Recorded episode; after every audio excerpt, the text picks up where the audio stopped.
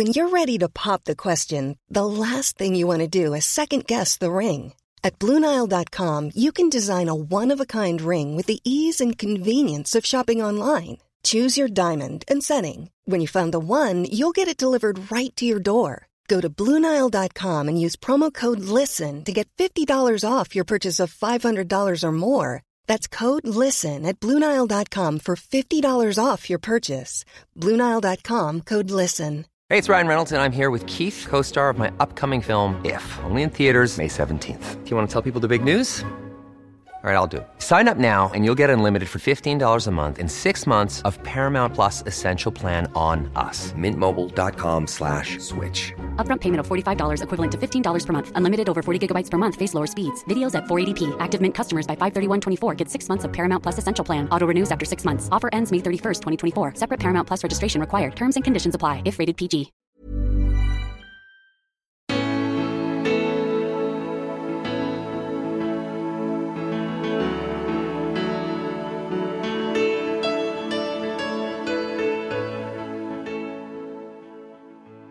Och det är, är ärenden som aldrig preskriberas, många av dem. Och det är ärenden som, alltså de, ska, de människorna som har varit där nere, budskapet ska vara att du ska aldrig kunna gå och lägga dig utan att veta, utan att helt vara säker på att du inte blir väckt under natten eller tidigt nästa morgon och medtagen och delgiven misstanke om förbrytelser begångna där nere. Här är husen liksom, de är värda hälften av vad Sveriges mest sålda bil kostar ny. Eh, ja, du kan inte ens sätta in ett nytt fönster om du inte har kontanter. Utan du får dra en skiva. Jag åkte just genom ett sånt samhälle i, igår. Eh, där man liksom ser de här plyfa-skivorna i hus där folk bor. Ehm, och det gör någonting med folk tror jag. I dagarna när detta avsnitt släpps har ytterligare en person fått sätta livet till i ett ökande gängkrig. En 12-årig flicka har av misstag skjutits ihjäl av personer som ingår i så kallad organiserad brottslighet. Det sätter verkligen dagens avsnitt i ett brännhett sammanhang. Jonas Trolle har över 25 års erfarenhet av polisarbete och är numera chef för Centret mot våldsbejakande extremism. Han är tydlig med att brottslingar skall buras in. Men han är lika tydlig med att bara inkludering och att ge människor en andra chans kan på sikt lösa problemet med ökad kriminalitet och extremism. Vi pratar också om hur det gick till när Jonas och hans kollegor fångade in Kapten Klänning i ett av de mest kända kriminalfallen i modern tid.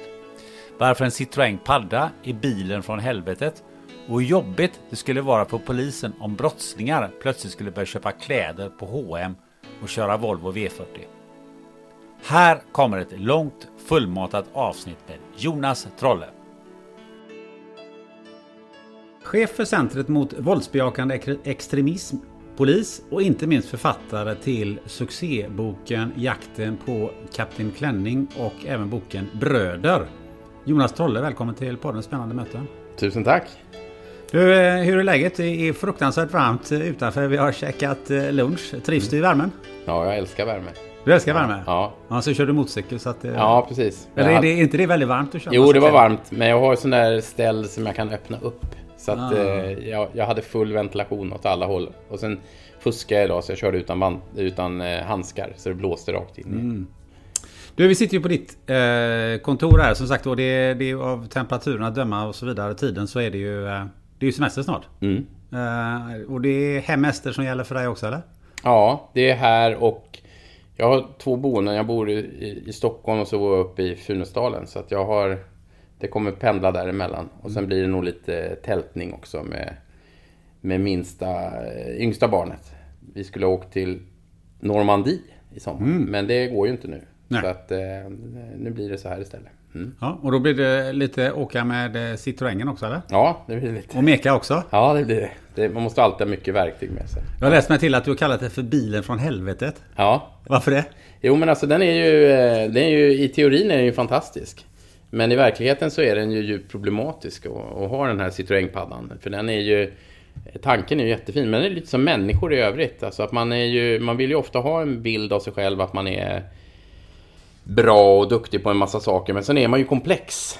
Och man har en massa tillkortakommanden som människa. Så den, den, jag tycker att den speglar, den här bilen den speglar min personlighet väldigt bra i alla fall. Man har en idé och en yta som man liksom gärna vill att det här, men, men när man börjar skrapa på ytan så är det ju mycket som är lite gistet och trasigt och man måste liksom underhålla och serva. Och så måste man ha massa specialgrejer till, kan jag tänka mig. Är det inte så massa specialnycklar och typiskt franskt? Ja. Grejen sitter, normalt sitter grejen till höger, den sitter alltid till vänster. Ja. Eller, eller så är den dold så man inte hittar den. Exakt, det, det, och, men det tycker jag är väldigt spännande. För att eh, det, det, det utmanar en ju hela tiden det här med... Man, man, man kan säga att den där bilen är byggd runt en hydraulpump. Hydrauliken var ju liksom själva hjärtat för fjädring, styrning och bromsar och allting. Och sen byggde man någonting runt den där. Och det gjorde man av delar som eh, kanske inte alltid passade utmärkt ihop. Så det blir lite halvkomplicerat. Men, men, eh, men jag tycker att det är spännande med den tekniken. Det är väldigt rogivande att göra det. För mitt eh, vardagliga liv är ju ganska Ja, det är väldigt annorlunda, så jag tycker det är fint att tänka i, i, teknik och ingenjörskonst tycker jag är spännande att titta på hur folk har gjort lösningar och så. Mm. Vi pratar semester. Semester är ju bokläsning för många. Läser du mycket böcker själv? Ja, men, men, precis. Jag läser, jag läser ju mycket rapporter också så här på terminerna. Men nu har jag, nu har jag Lukaupis senaste bok som jag ska läsa här. Mm. Eh, den ligger nu. Jag har precis slutfört eh, Testamente av Nina Wähä som var en fantastisk bok. Och nu hoppas jag mycket på eh, Lukaupis senaste bok här som eh, eh, vi har väntat länge på. Eh, den, den har varit på gång länge, så den, det blir nästa. Ja. Den börjar nog ikväll, skulle jag tro. Mm. Ja, men jag läser, jag läser, när jag är ledig läser jag mycket. Och, men i i veckorna och med resor och sådär, då är det svårt att få den där riktiga fokusen. Då, då, ja, men då kan man slänga in en sån där Art och Passelina eller någonting, för de är ganska korta och, och rätt roliga. Eh, men eh, annars så, så blir det, då blir det mycket, mycket sån här lite tråkigare och torrare läsning. Ja, Arto Passalena, det är, det är av mina favoriter. Ja. Det finns ju några stycken rejäla... Ja, ja. och de kan man gärna läsa om igen också. Ja, precis. Så det, och det, det är väldigt skön avkoppling på något vis. Ja. Mm, mm. ja. Ehm, du, man har hört att man, man kan inte kalla, för, kalla sig författare förrän man har skrivit tre böcker var någon som eh, sa till mig en gång. Du har ju skrivit två, men du har en tredje på gång har jag förstått. Mm. Aj fan, är det tre böcker? Jag har hört att det är två. Ja, men de har uppgraderat det. Har de gjort det? Ja, för man kan få gå med i Författarförbundet när man har skrivit två. Aha, ja. okej. Okay. Ja, men jag har skrivit ja. två. Ja, men jag har en tredje på gång. Eh, och den är ju... Eh, ja, den är ju halvklar. Men sen så på något vis så... Jag tappar energi. Eh, oklart varför. Eh, för jag har ju energi för annat. Men just det där skrivandet, jag vet inte fasen den är rätt bra egentligen tycker jag. Men, den är rätt bra som ja, den är redan? Nej, men alltså nej, den är ju inte klar. Men jag nej. tycker att den är rätt bra. Men nej, jag, jag vet inte riktigt. Jag, jag tänker min förläggare, om hon hör det här nu så blir hon nog lite besviken sådär. Att jag, hon skulle nog gärna se att jag blir klar med det där. Men jag har inte skrivit något kontrakt. Eh, och jag har i vanlig ordning heller inte tagit ut något förskott. Så jag har heller ingen, eh, ingen press på mig. Men jag Eventuellt faktiskt nu här i sommar. Vad är det? Är det fiction eller är det... Det är fiction. Ja, fiction. och det är egentligen en, en fristående uppföljare på den Bröder som jag skrev tidigare. Men i den här boken så har jag också tagit med eh, Polismyndighetens omorganisation. Jag har tryckt in eh, omorganisationen i en fiction, i en, i en, i en deckarberättelse. Och, och, och varför gör jag det då? Jo, för att Eh, polisens omorganisation den, den lämnar ju en del övrigt att önska. Eh, all omorganisation är ju plågsam och besvärlig givetvis. Det, det, men det här var ju något alldeles extra kan jag ju tycka som vid den tidpunkten hade jag varit inom polisen i ungefär 20 år och det, det, det var ju en väldigt, väldigt märklig väldigt, väldigt märklig tid. Och att då klippa in den tiden och en del av de eh, både dråpligheter och rena fel, felgrepp som jag upplever att man tog i, i, en, i, en, i en, fiction, en fiction och i en, i en romanform. Det tycker jag är lite spännande. För det är klart man kan skriva någon sån här faktabok om det där. Men den, den, den blir ju inte lika kanske intressant. Mm. Men jag funderar på den här typiska eh, karaktären. För eh, när det gäller polischefer, man, man eh, läser eller ser på, på TV, typ Beck eller, eller eh, Wallander eller de här. De är, de är ju liksom... De är ju alltid frånskilda. De är alltid lätt alkoholiserade och under stundom så har de liksom eh, hund. Mm. Är, är, det, är det en ren nidbild eller är det en, är det en vanlig eh, bild att... Just det här till exempel kanske med att, att vara att vara frånskild om man jobbar Mm. väldigt mycket inom polisen. Så här. Är, det, är det ett vanligt eh, tillstånd? Ja, men jag tror att det är ganska många. Men alltså det är ju många människor generellt som är skilda. Ja, men jag tänker liksom, ja. du, tänker, du förstår vilken Ja. urtyp jag menar? Ja, jag Eller förstår. Ja, en- men, men jag tänker så här att, att det, det har ju varit ett problem för mig när jag skrev bok nummer två. Nämligen att jag ska göra någon eller några karaktärer intressanta. Och då måste de ju sticka ut på något sätt. Jag menar de flesta utav dem som jag har jobbat med genom åren, det är ju högst vanliga och ganska tråkiga människor. Alltså de är ju Ja men alltså tråkiga i den meningen att de är helt vanliga. Så du måste ju ha någonting, en karaktäristik som gör att det... Och kanske det här med fel och brister och, och, och olika typer av tillkortakommanden för att det ska gå att följa på, no, på något vis och känna någon slags eh, både aversion och sympati med den personen. Eh, jag har full förståelse för det, att det behövs för att liksom skruva till det. Min, jag vet min, min lillebror eh, för många år sedan blev... Eh, han var med... Han skulle vara med som en av tre i en film om varför man som vuxen spelade hockey. Eh, när man ändå inte skulle bli något. Eh, det var liksom så här, du är ju ändå ganska värdelös, varför håller du på med det här? Eh, och då skulle de följa tre personer, då valde de ut min brorsa som en av de här tre. Eh, men men sen, sen fick han liksom en, en inte alls lika bärande roll, för att eh, han var alldeles för vanlig. De tyckte att han var alldeles för liksom intetsägande. Så de valde några andra i, i det här. Och eh, nu tycker ju inte jag att han är intetsägande och vanlig, men, men, eh, men just det där att man måste ha något som sticker ut. Och det tycker jag är svårt eh, när jag skriver. Att, eh, hur ska jag få det här att sticka ut? Eh, och då är det ju lätt att ta till de här stereotyperna. Du har alkoholmissbruket kanske, du har övervikten, du har skilsmässan, du har de här kanske lite speciella intressena. Eh, och jag tror att det måste till. Men jag känner inte riktigt igen mig i det. Men det är klart att det är nog ganska många poliser som är skilda. Det är, så är det ju. Och sen är det ganska många poliser som är gifta med varann också. Det finns, en, det finns ett visst mått av, av eh, inte helt sund eh, partnerbildning mellan, mellan eh, poliser. Eh, den är inte enbart sund kan jag tycka. Men man tänker på en sån figur som Gunvald i, Ja. i Beck. Ja. Finns det sådana inom polisen? Nej, inte som är sådär våldsamma. Men det finns, nu, det finns definitivt sådana som har, liksom, kan jag tycka, som har, och kanske mer förr, men som har den här lite, eh, den här lite cynismen och det här lite eh, oempatiska och sådär. Det, det finns det ju såklart. Ja, och som gör de här att de går in själva och gör grejer och Eh, ger sig ut på egna expeditioner. Ja, nej, frifräsare är svårt. Alltså, för det, det, var någonting som, det var någonting som när jag skrev första boken om Kapten Klänning var många som var så förvånade över hur många människor som var involverade. Och då ska man ändå veta att just det ärendet med, kring Göran Lindberg, det var ju ett ärende där vi var väldigt få för att det var en snäv krets utav att det inte skulle bli så mycket snack.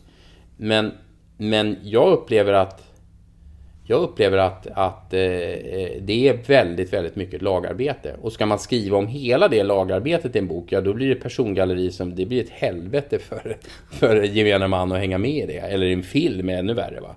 Så att eh, där fick jag ju själv, eh, eh, till och med i Kapten Klänning fick jag ju tänka mig på, tänka mig för, så att det inte blev eh, för råddigt alltså. Jag fick ta bort vissa moment för att det blev sådana utstick så att det skulle bli svårt att följa som läsare. Eh, trots att det är liksom en, en, eh, en, eh, den är ju faktabaserad rätt igenom. Allt, allt som skrivs där har ju hänt.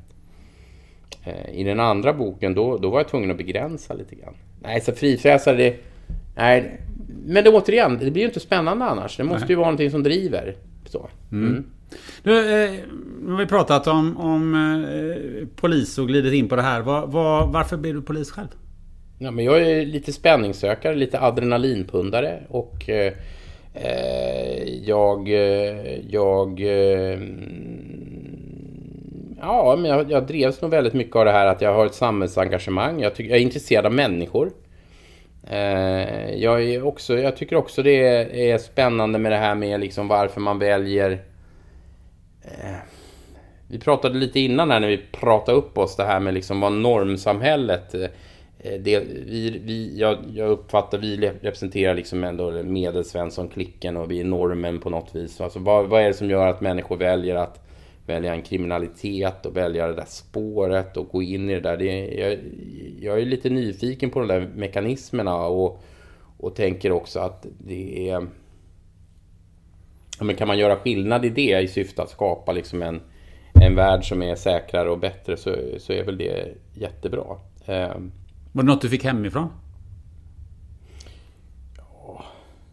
Jag... Har du inga, dina föräldrar är inte polis? Nej, det är de inte. Vad jobbar de med? Min mamma är lärare och min pappa är jurist.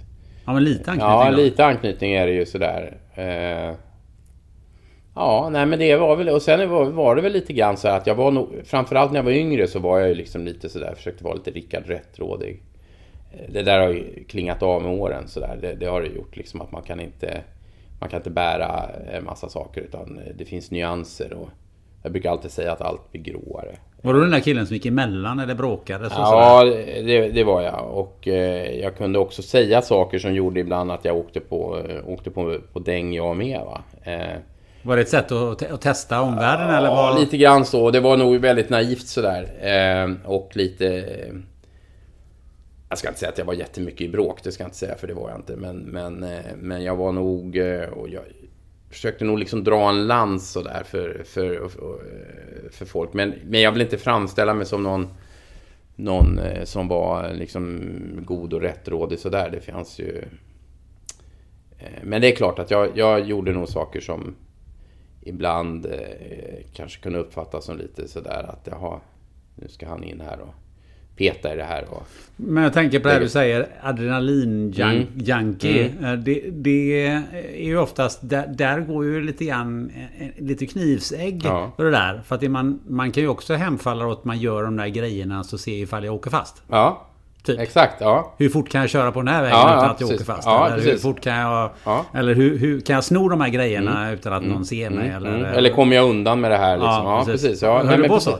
Nej, det har jag inte gjort. Men, utan jag har väl fått det där utloppet i det här. Men jag menar som min fru till exempel, hon har ju hållit på med extremskidåkning. Det är ju också en sån här grej.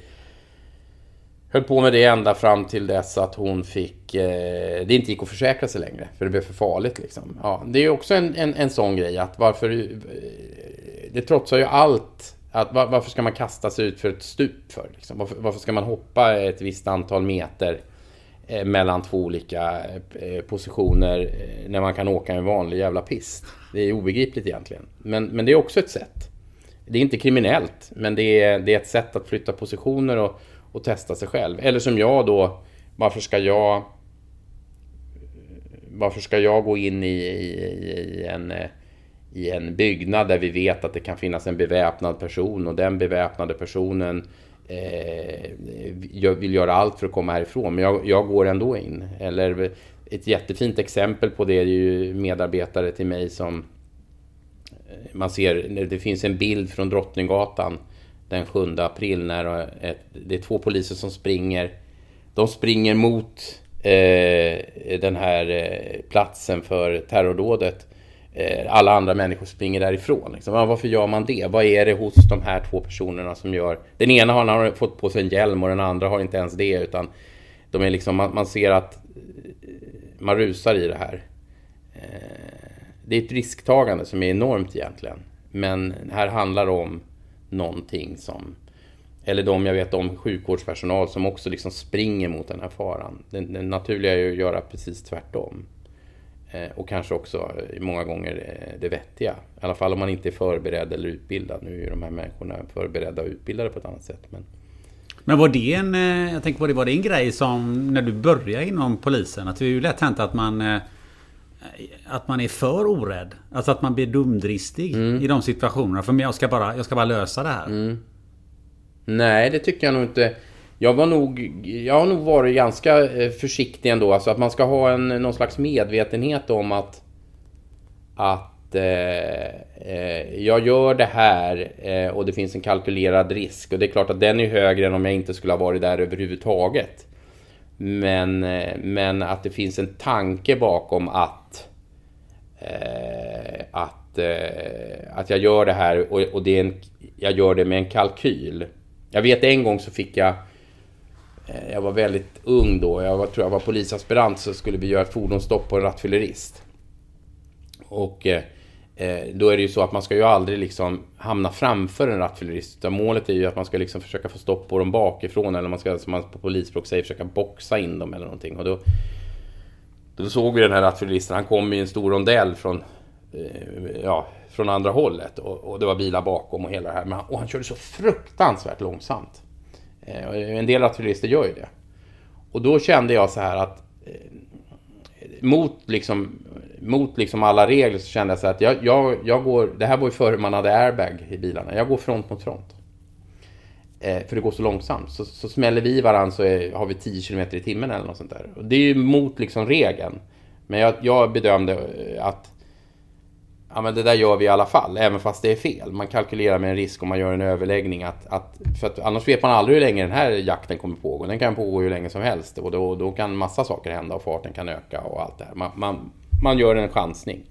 Och så gick det. Men, men då hade jag ändå liksom en idé om varför jag, gör, varför jag gjorde det. Och det tycker jag nog ganska många gånger att man har haft en idé om att ja, men jag valde att göra det här eh, i, kanske i vissa delar mot bättre vetande Eh, för att jag får ut någonting istället.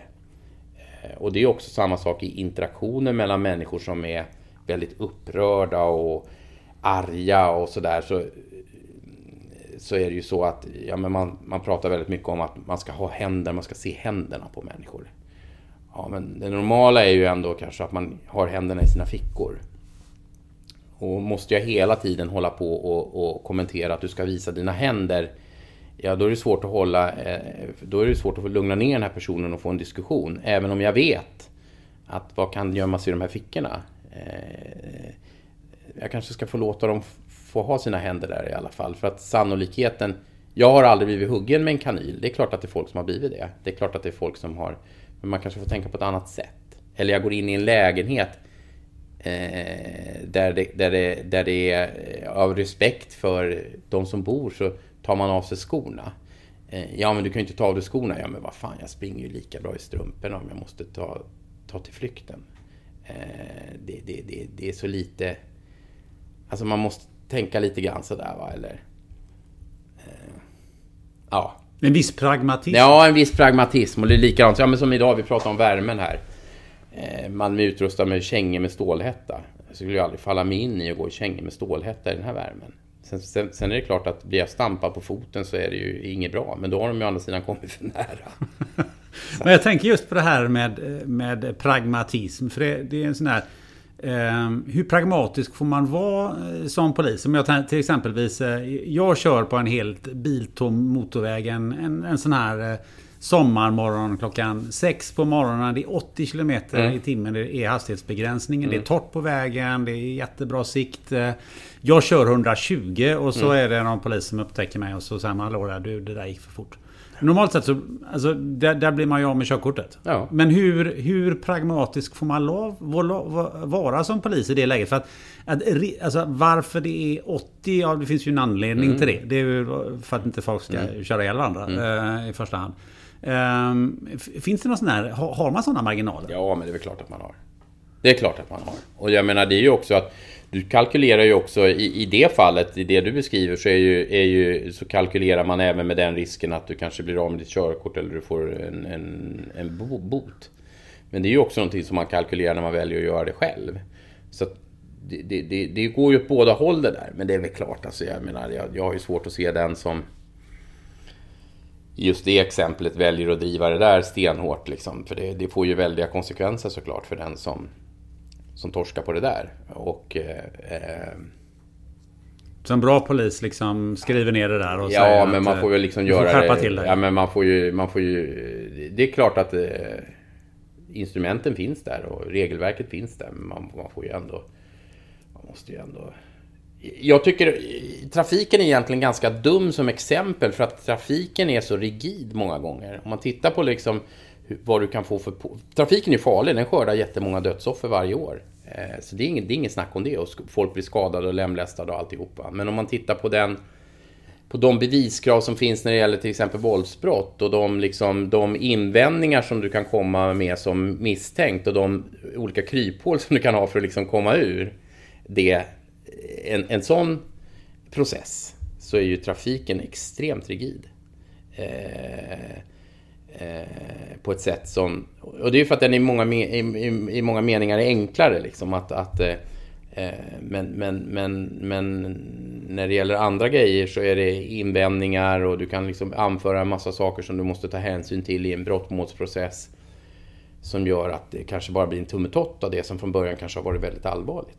Och det där är rätt intressant. Det, det, det gör också att min, min pragmatism och jag tror väldigt många andra eh, med, medmän, eller sådana som jag har jobbat med genom åren kan känna så här att ja, vissa saker står inte riktigt i proportion utan eh, man måste vara lite sådär, måste se nyanser. Det är lättare att liksom sätta dit någon för, för trafikförseelse för att det är rigid och ja. det är oftast inte ja. Oftast är det ju inte brottslingar i den bemärkelsen som, som begår nej, våldsbrott. Nej, och som utan... dessutom inte kommer med massa jobbiga invändningar. Nej. nej utan det är, det är ju... Absolut, visst är det så. Eh, och jag menar, det är ju också... Men alltså, det, ja, men hela, alltså ett bötessystem är ju, kan ju vara lite...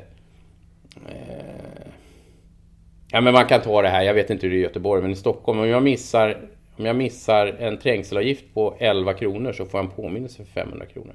Ja, det är ju ganska fantastiskt. Ja, den är ju helt otrolig. Står den i proportion till... Alltså står den, står den, den, den liksom påminnelseavgiften i proportion till det jag missade. Eller felparkerar jag i Stockholm så kostar det 1100 kronor. Men, men om, jag, om jag inte har någon lön och inte har någon inkomst och, och, och, och, och utsätter någon för ringa misshandel. Ja, vad, vad får jag böta då? Liksom, ja, jag kan tycka den där 1100, den, den står inte riktigt i proportion. Nej. Så, att, så att det, det, är alltid nyanser. Nyanser. Eh, en annan sak som, som ju eh, man pratar om, om nyanser. Det är ju det här att, att eh, man pratar om att ge människor en annan chans. Mm. Eller en tredje chans och mm. så vidare. Eh, hur, hur ser du på den saken? Ja, men jag tycker man måste tänka så. Varför då? Man, ja, men alltså för att och där kan jag tycka att, eh, och det har jag också skrivit om och, pratat om i olika sammanhang. Jag kan känna en väldig frustration över det här med att eh, idag, om, om, du till exempel är yrkeskriminell eller du är, du är extremist i en, i en extremistorganisation. Den dagen du känner att nu vill jag hoppa av det här, nu vill jag bli en del av, av det som är Svenssonlivet eller liksom jag då är det väldigt svårt att, att komma in i det. Dels för att det finns en massa saker kanske i den här personens bagage som andra människor inte anser sig kunna acceptera någon gång någonsin överhuvudtaget. Eh, och sen också för att man, man har kommit efter med så mycket annat. Man har kommit efter med utbildning, man har kommit efter i, i sina pensionsinbetalningar och ja, men vet, massa sådana här saker. Så att det blir, alltså steget, trappsteget är så högt, eller trappstegen, för det är flera steg och dessutom är det så att den processen, alltså att du ska ta det från en, en, en, en, en ett område, en ytterlighet då, där, där du har levt i en kontext som har varit väldigt svår, eh, men där det också finns saker som är hemtama, som gör också att man kanske under den här processen ibland väljer att ramla tillbaks. Antingen i missbruk eller att man, man gör någonting som man är man är nästan programmerad på att göra vissa, vissa saker. Eller man får ett brottsupplägg som man ändå trots allt inser att... Eller man, man, man går på det där fast man egentligen är på väg på en annan resa. Då måste man, det där måste ju vi andra människor runt omkring ändå förstå. Och det handlar inte om att dalta eller liksom vara naiv eller någonting. Men det här är ju en process. Att gå från någonting in i någonting annat Eh, är någonting som är väldigt stort för de här människorna. Det är väldigt starkt. Du kan vara med i ett kriminellt nätverk, du kan vara med i en extremistorganisation. Du har bara det. Du har bara det omkring dig. Och, eh, och då, måste, då måste vi andra, eh, då måste vi andra både stå där och, och, och, vi måste också kunna acceptera och förstå att det, det är en bumpig väg. Den är inte spikrak och den är inte jättelätt. Men finns det... Är det inte svårt ibland? Finns det inte sådana här riktiga mega kräk i den här jo. Eh, församlingen. man säger att den här gubben, alltså han, han har gjort allt ja. som man kan göra och lite till. Ja, oräddbar. Ja, men liksom man Ja. tänker att han, han har ändå ställt till det så jävligt. Mm. Kan man ändå tycka att ja, men, han ska nog få en chans till i alla fall. Ja, men alltså, det, det yttersta som vi har att ta till det är ju att låsa in folk på väldigt lång tid i det här landet. Och det är ju för att skydda samhället, andra medborgare och kanske också de själva för. Eh, och det är, ju, det, är ju liksom, det är ju någonting som vi måste ta till med med vissa människor. Och jag har inga problem med det. Eh, det, det, det, måste man, eh, det måste man göra. Men, men samtidigt så är det ändå så att i en demokrati och en rättsstat så måste man ändå pröva de här människorna mot det som är eh, det som är liksom det liv som vi andra omfattas av. Man måste ändå göra det i vissa fall. Sen finns det en del, eh, de kommer aldrig komma ut. Eh, jag tänker just på det här med inom psykiatrin, det är ju ofta diskussioner kring det här med folk som blir inlåsta då psykiatrisk, de, de, har, de har alltså då eh, tvångsvård. Och sen så, det vi läser om, det är ju när de prövas mot det öppna samhället och det går fel. Men varje dag är det ju massor med människor som prövas mot det öppna samhället och det går bra. Och det är ju en, det är en skyldighet som de som sköter deras vård och de som beslutar, alltså de domstolar som beslutar om vården och hur den ska vara. Det är en skyldighet man har mot de här som medmänniskor. Och lejonparten av det är ju ändå de här med de här små permissionerna och allt det här är ju ändå liksom någonting som vi inte upplever som problematiskt. Så man måste testa. I, I det samhälle som vi har så måste vi ändå testa. Och sen så kan det visa sig att det är fel och det kan visa sig sen också att det här är helt omöjligt. Men de, men det, och det finns faktiskt sådana människor. De läser vi väldigt sällan om som, som faktiskt aldrig kan komma ut. Men då måste man ju också se till att de har ett liv som är ja, men utifrån den individen eh, ändå är... Mm, för då, annars blir det liksom barbari i det här. Och det, och, och, och, det kan vi inte ha. Men, men, men jag, är, jag, är, jag är helt på det klara med att vissa, vissa som jag kanske har mött i mitt liv eller som andra möter, de, de ska inte vara ute. För, för andras skull, och för samhällets skull och för sig själv. Men det finns ju kring det här också så finns det ju någon, någon eh, eh vad ska man säga, romantisering. Eh, Alltså eh, att de här människorna, eh, jag kan tänka mig de som, eh, som åker in flera gånger och som kanske är någon sorts eh, knarkkungar eller, eller någonting av den här typen av människor. Ehm, sitter de på den här eh, tronen och har otroligt mycket pengar och, och makt och, och så vidare? Eller är det någonting som vi eh, gärna romantiserar? Vad- Vad är verkligheten för de här personerna?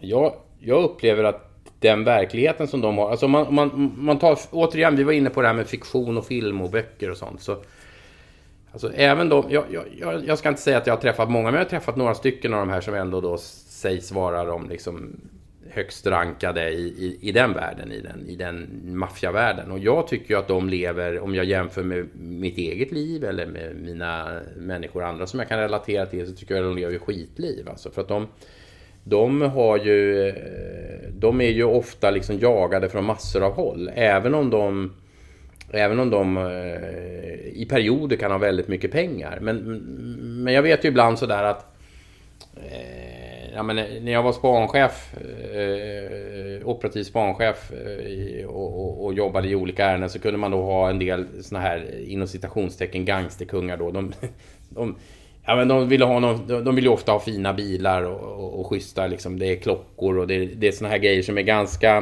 eh, de är förhållandevis lätta att, få, få va? men de kan ju inte skaffa sig någon vettig kåk va? utan det är ju en hyreslägenhet någonstans. Men så skaffar de då någon, någon bil via någon bulvan och så eh, någon, säger någon fin Mercedes och sen blir det punktering på den här Mercan. Och, och, och just den veckan eller den månaden då finns det inga pengar. Då står det en jättefin Mercedes med punkterade däck. Va? Eller, eller man köper vid något annat tillfälle vet jag några, några djupingar de var iväg och köpte via Bulban en jättefin BMW i, i, i Närke någonstans och så skulle åka med den till Stockholm. Men då drar de så mycket kokain så de tankar ju bensin fast det var en diesel. Ja, så blir ju motorn förstörd. Och man tänker så här, men fan alltså det, det är hela tiden den här, den här typen av, av, av, av grejer som inträffar. Eller man man, man driver olika typer av skalbolag och allt det här va? men så torskar man på att man, man råkar åka förbi eh, det, det här är alltså saker som verkligen har hänt. Man torskar på att man råkar åka förbi ett hus där det står en jättefin gasolgrill. Så stjäl man gasolgrillen. Para, samtidigt som man liksom driver den här typen. Bara för att, för att man, man, ja, man är dum i huvudet helt enkelt.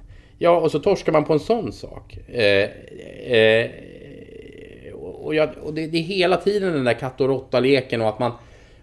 Det är mycket banala grejer i det här som, som gör att det, det, det blir ändå fel. Så att den här tron och idén om att de grovt kriminella... Det, det, finns sådana, men många av de här grovt kriminella, att de liksom lever någon slags... Ja, men du vet så här... Ofta är det jävligt pajigt alltså. Det, det är min uppfattning. Det, det är väldigt pajigt. Och, Men det måste vara ganska lätt att hitta dem också? Ja, det är ju det. Och sen, och sen just det här också att de, många av dem då, även fast de liksom har uppnått en viss nivå, va, ja men då är rätt vad det är så är de... Ja men så drar de en massa kokain helt plötsligt. Va? Och så börjar de springa efter någon, någon, eh, någon, någon kumpans eh, fru eller flickvän eller något sånt där. Va? Och så blir de osams. Och så alltså bara havererar alltihopa. Det är otroligt taffligt och banalt på något sätt. Så man, man så den dagen de eh, som... Eh, den dagen buset eller någon kommer på det att... Eh, ja men fan vi går in och köper lite grejer på H&M och så kör mm. vi V40 och mm. så kör vi, har vi någon, någon, någon klocka från mm. något, någon, någon, billig, någon billig plastklocka och så. Mm. Och, och, åker spårvagn och, och mm. aldrig använder mobiltelefonen. Då, då skulle polisen få problem. Ja, då har hela rättssamhället stora och grava problem. Alltså då, då, då blir det jobbigt. Ja. Det, det blir det. Och då, men då hamnar de ju många gånger, då blir det ju som i det här man läser om de här italienska maffian. Alltså du vet Drangetan eh, eller i, på Sicilien de här maffiakungarna som hålls undan i 40 år. Men de har de levt som eremiter i en grotta. Men då har de ju, då har de ju självvalt fängelse. Det är också så jävla dumt på något vis. De har varit helt avskurna från hela världen. De hålls undan. De har jättemycket pengar på sifferkonton någonstans på något skatteparadis. Va? Men, de, men de sitter i den här grottan och kommunicerar på med krypterade lappar. Eh, så att, så att äh, det, det, det, är mycket i det här som är taffligt. Och, och, och jag, jag, vill säga det för att jag tycker att det är... Det är att göra dem för stora att påstå att de är fiffiga. För hade de varit fiffiga och smarta, ja men då hade de väl varit de här företagsledarna då? Tänker jag. Mm. De här stora entreprenörerna. Men det är de ju inte. De, dög, de dög inte till det. Men det finns ju... Men om man lyssnar på dem så, så finns det ju ofta ett entreprenörsdriv mm. i dem. Ja. Alltså de är ju jäkligt påhittiga när, ja. de väl, när de ligger risigt till. Ja, det, det, absolut. Visst är de det. Och överlevare. Ja, ja det, det, det, det, ska man inte ta ifrån dem. Men, men, men vad är det för fel på att försöka göra rätt för sig i det här då? Nej, det vad, är, och vad är det för fel på att liksom försöka sätta sig in i hur man betalar skatt och avgifter och hela det här va? Men det, men det, det, det, det klickar ju någonstans. Men eh, den här typen av människor, eh, jag tänker på, vi kommer in på det här med, med terrorister och, så, mm. och såna grejer så, så småningom. Det måste ju vara en, också vara en mardröm om det är liksom någon potentiell terrorist som, som håller den låga profilen. Mm. Vi, vi, vi, pratar ju mycket om det i den här, det, där jag befinner mig idag nu då med extremister. pratar vi mycket om de här dolda ensamagerande som inte är knutna till en, en en, en, en, organisation eller en grupp. Alltså det här ledarlösa eh, terrorismen som, som kan poppa upp. Den är ju jättefarlig. Och, och de då som också lever asketiskt och inte på något sätt liksom sticker ut. För, för hur, hittar, hur, hittar, hur hittar man dem? Hur hittar en säkerhetspolis eller en öppen polis eller de som jobbar med förebyggande verksamhet eh, som vi gör eller kommuner. Hur hittar man de här personerna? Otroligt svårt. Alltså. Ja, jag kan tänka mig det. Det är en jätteutmaning. Och därför krävs ju det att det är många fler som förstår mekanismerna bakom och kan se det här. Att det här är ingenting som en myndighet eller en rättsvårdande instans kan liksom ha själv. Utan man måste, man måste få folk i skolvärlden att förstå det här. Inte, inte att de ska ha ett ansvar, men de ska förstå vad det är de ser. Du ska förstå på en vårdcentral vad det är du har framför dig lite grann de här tecknen. Vi ska in på eh, terrorist eh, eh alldeles strax här. Men jag tänkte ta vägen om, om människohandel som du har jobbat mm. med eh, under eh, många år. Eh, hur hamnar du inom det området? För det måste ju, känner jag ju sådär, och man, jag har tänkt på det många gånger, att det måste vara det svåraste man kan jobba med som mm. polis eller som åklagare eller som, som advokat. Mm. I, överhuvudtaget inom rättsväsendet. Mm. Eller hur, hur, ser du på det? Hur hamnade du där och hur, mm. hur, hur, upplevde du det? Jag skulle jobba med ett ärende i sex månader och blev kvar i över sex år. Oj! Ja. Eh, så var det. Det var en ren tillfällighet. Eh, eh, det var en, en, en, chef som jag hade för många, många år sedan. Som eh, tyckte att det där är kul Jonas, det där borde du prova. Kör det där i sex månader och sen kommer du tillbaks med massa ny kunskap. Och jag kom aldrig tillbaks. Han kanske ville bli av mig, jag har ingen aning. Men, men, eh, men det, var, det var liksom... Eh, eh jag, jag, jag, hade, jag hade verkligen inte sökt mig till det. Och eh, det tror jag var en fördel. För jag var liksom inte... Alltså du kan ju vara väldigt... Eh, du kan bli så besjälad av en, en, en, en viss fråga så att du liksom tappar nyanserna i det här. Utan jag, jag kände liksom att här ska jag göra ett, ett, ett, ett riktigt bra jobb tillsammans med mina medarbetare. Eh, men jag kände liksom att jag, jag, jag har aldrig... Eh, jag, jag har försökt vara väldigt noga med att skilja på min professionalitet och sen är jag liksom inte aktiv i i den här typen av civilsamhällesorganisationer och sådana här saker som gör ett jättefint arbete och så. Men jag tycker att det är viktigt att jag har en roll i det här och, och den rollen var i de här åren då att ut, bland annat utreda, eh, vara med och utreda den här typen av brott. Och, eh, ja, men det var ju, alltså det är ju på något vis så är det ju väldigt smutsigt. Och samtidigt så är det också en paradox i det för att det, handelsvaran är en människa och ofta så är det, handlar det om sexuella... Eh, det, det, det, det, det är sexualitet involverat i det här. Eh, vapnet är sexualiteten och, och, och huvuddelen av förövarna är män. Och I det här fallet så är jag då, var jag ju man.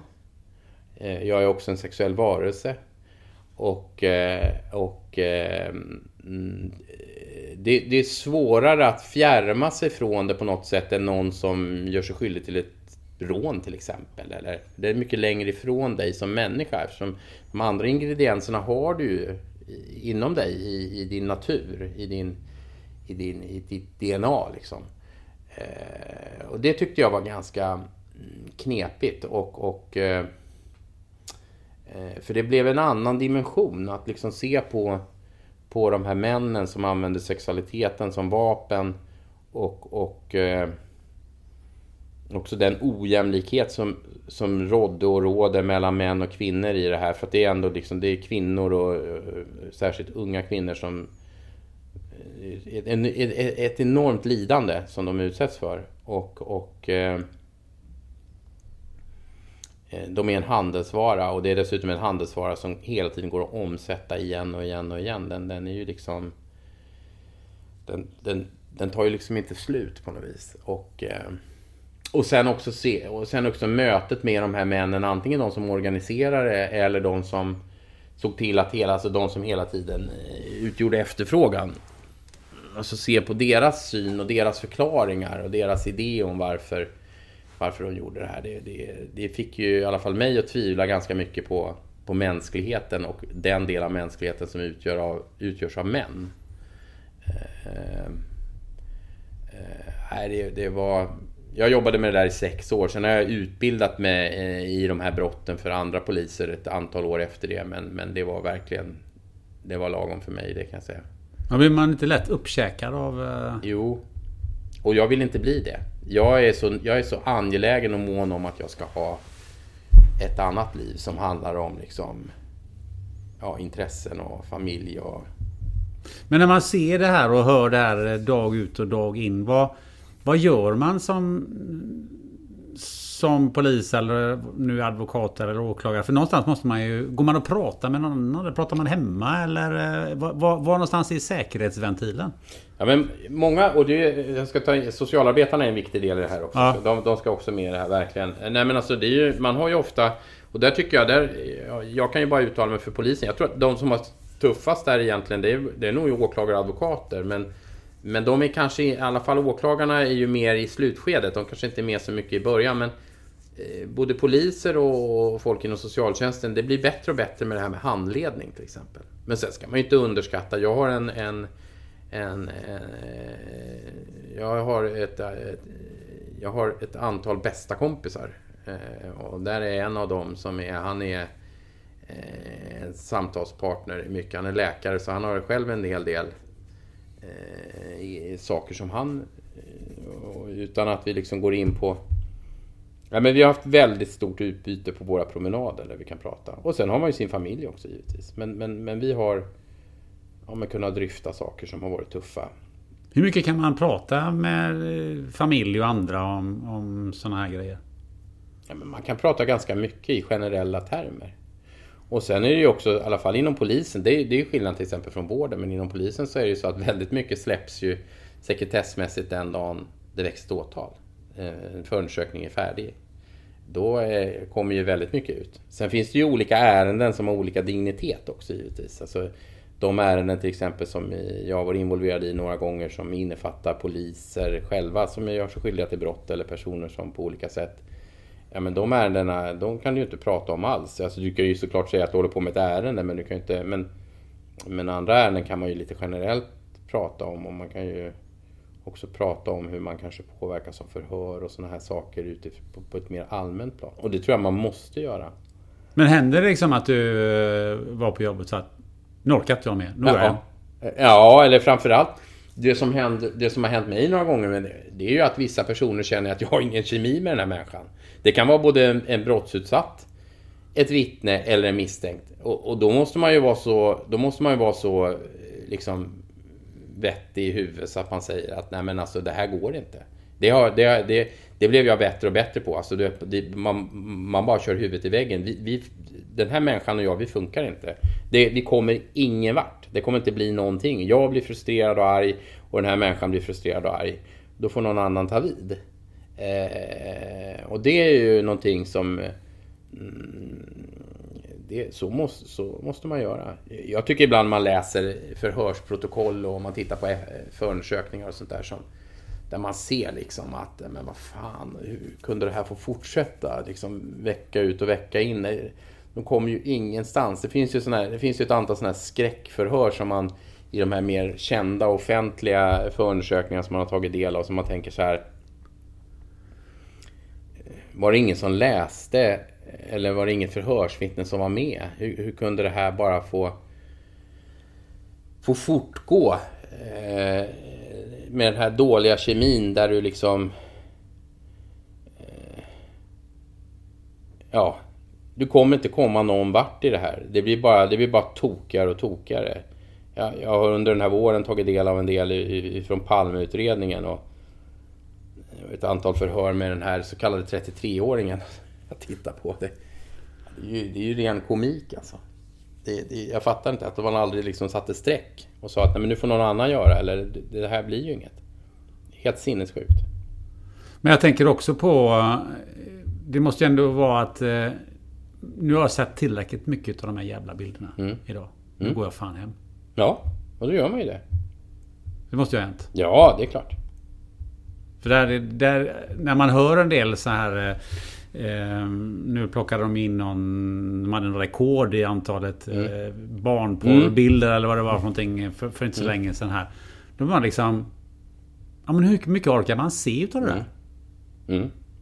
Och, det, och, men, och det, där handlar det också om ett medarbetarskap. Hur, alltså, om du tittar på dina medarbetare när du, när du börjar se att det börjar liksom komma bubblor runt ögonen på dina medarbetare. Då, då handlar det ju också om att sätta streck även där. Men sen så finns det ju en del människor är mer jag tror att jag är någon slags mittemellan-människa där. Jag har ju några som jag jobbat med som fortfarande håller på med den här typen av ärenden och har gjort nu i så många år så att det är inte klokt. Ehm, och som fortfarande är, som jag upplever det, gör ett fantastiskt arbete.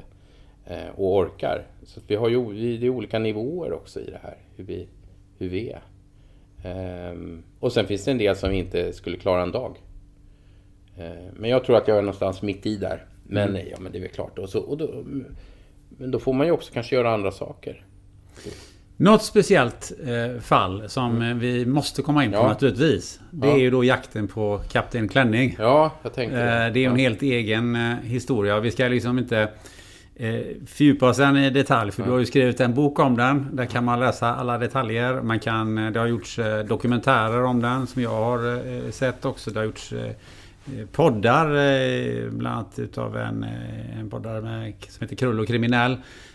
Så där kan ni gå in i, i detaljer. Men vi, vi, vi måste ändå beröra det här. För du, du har skrivit en bok om det här. Och Ehm, det här är ju en alldeles eh, otrolig eh, historia. Mm. Eh, och kan du bara...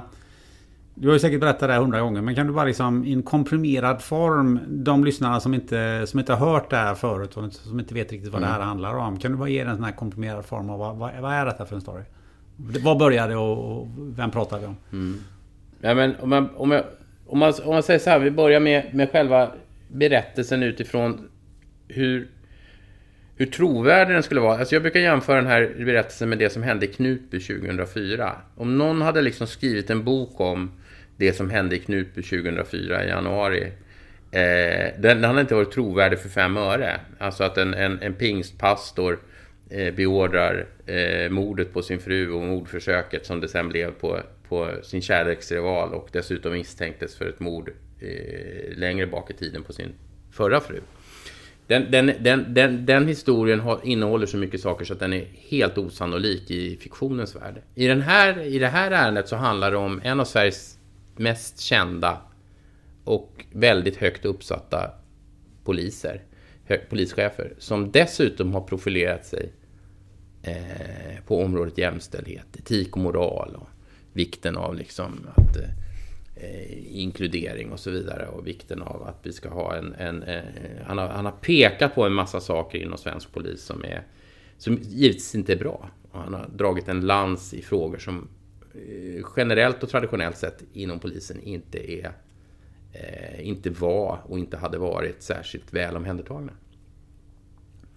Den personen visar sig sen då vara en person som, är miss, som, som då initialt då kunde misstänkas för våldtäkter och sexköp och misshandel och till och med koppleribrott. Alltså att det, att det var en, en, en total eh, motsats till det som den här personen dels bara gick kraft av sitt yrke och sitt ämbete men sen också de frågor som han väljer att profilera sig på.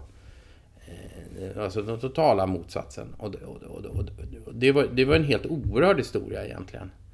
Och eh, lika osannolik som det som hände i Knutby. Kanske ännu mer osannolik på något sätt. Eh, och det, det ramlade vi på, eh, några stycken, eh, eh 2009. Eh, och, och, sättet som vi också kom in i det ärendet, det var ju också mycket, mycket märkligt. Alltså det, det, det börjar ju med ett, ett, ett misstänkt mord då, som i och för sig inte, det blev inte rubricerat som mord i, i, i slutet. Då, med den dom som följde, men liksom en man som faller ut från en balkong som man initialt inte kan se några som helst kopplingar till, till i det här fallet den här polischefen Göran Lindberg. Eh, och och hur, hur vi då, eller hur det, då, våldsbrottsutredarna i, i, i söderortspolisen börjar nysta i det här och man kommer vidare i, i någonting. Och, och sen till slut så, så eh, visar det sig att den här mannen han har också varit inne i det här med att organisera och köpa eh, sexuella tjänster och organisera träffar med män som har en, en sadomasochistiska läggningar och väldigt anonyma nätverk. Och i det här då, nät, i det här anonyma nätverket så finns då den här, den här Göran Lindberg. Det, det är en eh, det är en jättemärklig historia. Men det är ju ett väldigt stort tillfälle att han just befann sig... Ja. Fanns där Ja. i detta nätverket. Ja, ja och, och eh, precis. Och, och, och det män då i övre medelåldern som dessutom liksom kommunicerade och umgicks och interagerade med varandra med nicknames. Alltså man hade ju alias och man eh, man utnyttjade tjejer som inte visste vilka de här männen var egentligen och som inte kanske levde socialt sett på ett sätt så att man hade exempelvis sett den här polischefen på TV som andra människor skulle kunna ha gjort eller hade någon känsla av att han blev eh, fick massa utmärkelser för sitt jämställdhetsarbete eller vad det nu kan vara. När i den här historien insåg du att detta är faktiskt Göran Lindberg?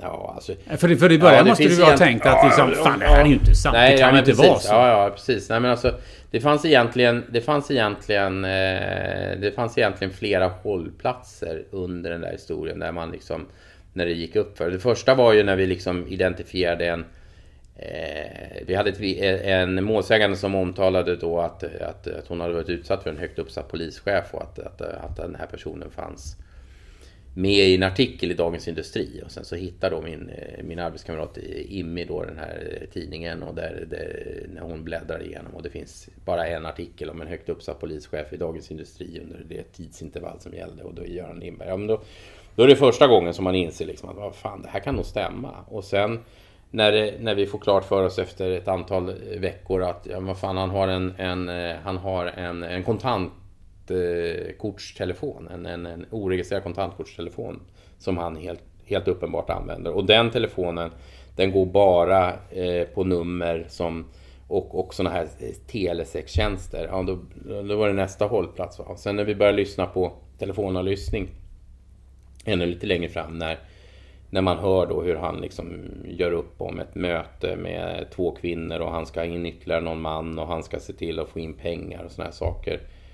Eh, och sen samma dag så dyker han faktiskt också upp på det här mötet och då vid det tillfället så gör med spanarna väldigt mycket av nyfikenhet för att se om han dyker upp. Då var det väl på något vis som att, ja men vad fan, det är ju så här. Då, då fattar man ju det faktiskt. Eh, men det, var, det, det kom liksom gradvis på något vis. Men sen är det också på något vis att jag, jag, jag, jag blir alltid skeptisk för de här människorna som blir nästan fanatiska åt något håll. Det, det, det är lite hemskt det där att Alltså människor som Han var ju otroligt liksom profilerad i det här med jämställdhet och han var så otroligt eh, eh liksom rättrådig och eh, etisk och moral och allt det här. Alltså de som, de som är så enormt hårda i det där på något vis så... Jag blir mindre förvånad liksom när, när täcket rycks bort och det, det ser annorlunda ut. Jag säger inte absolut inte att det alltid är så, men, men just det där att när man väljer att sätta sig på jävligt höga taburetter då, då, då är, kan det vara någonting under där som inte är så snyggt. Men vad, vad tänker man eh, när, när det här upptäcks? Vad tänkte du då? Tappade du liksom allt förtroende för, för mänskligheten? Eller, det måste ju kännas som att ja, men, vem som helst mm. kan ju vara misstänkt för vad som helst. Mm, eller exakt. blir du liksom ex, ännu mer sådär att, att man är misstänksam mot allt och alla? Nej, men det, nej, jag, jag, jag blir inte det. Alltså, och det, det, är väl, det är väl ganska märkligt, för det där har vi pratat mycket om hemma, just det där att Nej, men jag, för, för, jag vet att en del andra som har den bakgrund som jag har, de blir ju mer och mer misstänksamma och de blir liksom... Eh, men jag, jag har nog snarare blivit åt det där hållet att, att jag tittar mycket på sannolikhet och liksom kalkylerar med olika risker. Vi var inne på det innan där med den här pragmatismen och sånt. Att, nej, men jag tänker så här att ja, men okej, nu, nu var ju, men han är ett undantag. Han är inte normen. Eh, eh, samma sak med sexköparna, de är inte normen. Alltså, man brukar prata om att det är någonstans mellan 8 och 14 procent tror jag det är som någon gång, någon gång i sitt liv har köpt sexuella tjänster. Ja, men det är fortfarande en stor majoritet som aldrig har gjort det. Överhuvudtaget. Ja, men då är ju det normen. Samma sak, jag menar, jag, jag vet när, jag, när min dotter var liten så jobbade jag i, i vi bodde och jag arbetade i, i, i, på samma ställe. Alltså jag utgick som ordningspolis på samma ställe där vi bodde och då ibland så Eh, kunde man ju möta folk i centrum när man gick och handlade och sånt där som mm, jag vet särskilt någon gång vid något tillfälle så mötte jag någon som en kille som han var dömd för våldtäkt mot barn. En pedofil alltså. Och här kommer jag med min lilla dotter. Och, ja, men, men, men, men då är det ju så att jag råkar veta att den där killen är dömd för våldtäkt mot barn. Det är ingen annan här inne i centrumanläggningen som gör det. Och sannolikheten att han ska göra någonting i centrumanläggningen, den är minimal. Alltså den är, den är obefintlig i princip.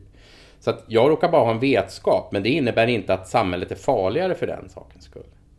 Eh, eh, och då, då, då, får man liksom ha det Och det är samma sak med att ja, men när hon blev äldre sen, nu är hon ju vuxen, men att jag har tänkt mycket sådär att ska jag, om jag vet att det finns massor med saker som är farligt. Det är farligt att åka till stan eh, på fredag och lördagkvällar och så. Ja, men det är ändå farligare att vara kille och göra det. Ja. Eh, man kan bli bortrövad, men, men, men, statistiskt sett så blir man inte det. Alltså det, det är massa sådana här saker, så får man försöka tänka. Och jag tycker att jag har landat ganska bra i det. Och likadant var det i det här ärendet, att ja visst, han, han gjorde det här, men jag menar lejonparten av alla människor gör inte det här. Sen är han ju extrem i och med att han var polis och hade den profilen. Eh, men det är fortfarande ett undantag. Han är undantaget. Någonting jag funderar på är ju... Han, eh, han var ju som du säger polis. Mm. Och vi pratade ju förut om det här att eh, lite grann att, att dölja Hur döljer man sina brott? Alltså den som Mm. skulle kunna gå H&M eh, kläder och köra en, en vanlig Volvo så skulle det förmodligen inte bli Mm. upptäckt. I det här fallet eh, kan, kan man tro att eh, just att han att han använder den här profilen för att dölja något annat helt medvetet. För han visste att det här är ett bra sätt att dölja vad jag egentligen håller på med. Eller vad, hur, hur kommer det sig att man eh, inte kom, kom på honom tidigare? Mm. Ja, jag, det här, är- det här, eftersom han har ju aldrig svarat på den frågan. Han har ju aldrig liksom tagit bladet för munnen själv. Men jag, jag tror att jag tror att, att eh, det fanns liksom två delar av den här människan. Och jag tror inte att det var en medveten strategi. Att jag gör... Jag väljer den här positionen officiellt för att dölja den andra positionen, den inofficiella positionen. Utan jag tror att det fanns ett undermedvetet kompensatoriskt. Alltså det här att mm, liksom psyket, eh, eh, i, i, i psyket så fanns den här böjelsen och, och den, här, eh, den här önskan och den här drivkraften att göra de här grejerna. Och att det fanns en undermedveten kompensatorisk grej i det här. Alltså jag tror inte att det var, jag upplevde inte som att under den korta tid som det bedrevs en spaning och när man tittar på förundersökningen som att det här var en, en eh, uttalad strategi från hans sida. Utan jag, jag upplever liksom att han det fanns högst sannolikt en undermedveten kompensatorisk eh, moment i det här. Eh, mm, För man kan ju vända på det också och, och säga så här att eh, han var ju för att vara polis inte speciellt smart. nej, han var ju för fan helt usel. Eh, Ja, och det kan man också tycka. Ja, ja, det, och det, och det var ju också en grej. Alltså, alltså, han var ju... Jag brukar jämföra, nu, nu kommer vi tillbaks till det här till min brorsa igen, men vi... Eh, eh, förr om åren, innan allt blev så där uppstyrt, så använde vi honom som figurant i spanövningar. Eh, han var otroligt duktig. Och, och, och dels se att han var påspanad. Nu visste han ju att han skulle vara det, men han var otroligt duktig på att peka ut och så här. Och han var ganska svårföljd, vet jag att kollegor till mig sa att den där, han är, han är lite små eh, fiffig alltså att hänga på. Eh, Göran Lindberg hade man aldrig kunnat haft som, som, som figurant. Han var helt aningslös. Alltså. Han är helt otroligt. Och då hade han ändå jobbat inom polisen i, i flera decennier. Hur, hur kommer det sig? Ja, ja, ja, det, det, alltså, jag kan inte svara på det. Men det var ju helt otroligt alltså. Jag, jag, jag vet vid något tillfälle så... Jag var ju inte med och spanade jättemycket, men jag var ju med vid något tillfälle där jag gick rakt på honom på ett ställe på, på, på centralstationen i Stockholm. Jag gick fan med... Alltså du och jag, vi sitter på eh, coronaavstånd här, två meter emellan. Och Ungefär på det här. Och fick ögonkontakt. Och då är det en person som jag ändå liksom har stått bredvid vid kaffeautomaten ute på polisskolan och så vidare. Plockade inte ut mig överhuvudtaget totalt in i sig. Och jag menar, det var ju ibland ganska offensiv spaning med bilar och även, även folk som gick efter honom hade ingen koll överhuvudtaget. Ingen alls. En annan fundering man kan ha. Borde man ha sett det här tidigare? Om, om, du, om du tittar i backspegeln nu så säger att ja, men det, det fanns ju fasen tecken på att det pågick något. Ja, men jag tycker så här när man pratar med folk som har jobbat med honom sedan tidigare och så där så är det många som säger att de tyckte liksom att han var eh, knepig och udda på olika sätt. Och att nu när facit har kommit, ja men då ramlar saker och ting på plats. Jag tror att det är otroligt svårt. Jag tror att det är jättelätt när vi väl vet. Jag tror det. Eh, men, men, men lite grann alltså det här, men, men den är ju mer, det är ju mer generellt. Jag menar, det innebär ju inte att man, bara för att någon sätter sig på jättehöga hästar och, och, och är helt eh, nästan eh, manisk i vissa, i vissa ståndpunkter och vissa utgångspunkter så innebär det ju inte att bakom det, i, i, i det här fallet då jämställdhet och, och, och det här med våld mot kvinnor och hela det här, så innebär ju inte det att det då bakom det finns en våldtäktsman. Absolut inte, men men det man, just den här, den här lite fanatismen som finns kring vissa personer, alltså den, den, den ska man nog vara lite vaksam på tycker jag. Det, det, men nej. Det, det fanns ju någon, det fanns ju någon, eh, det finns ju någon del och jag vet att jag tar upp det i min bok också att, att man kanske skulle kunna ha hittat honom 2007 redan. Det fanns ett DNA, det fanns något registreringsnummer man kunde ha gått. Ja, men det är ju otroligt lätt att sitta och säga när man har facit efteråt att visst kunde man ha gjort så här. Så vem är villig att kasta den första stenen? Eh, jag har, jag har gjort sådana där saker jag också högst sannolikt. Eh, eh.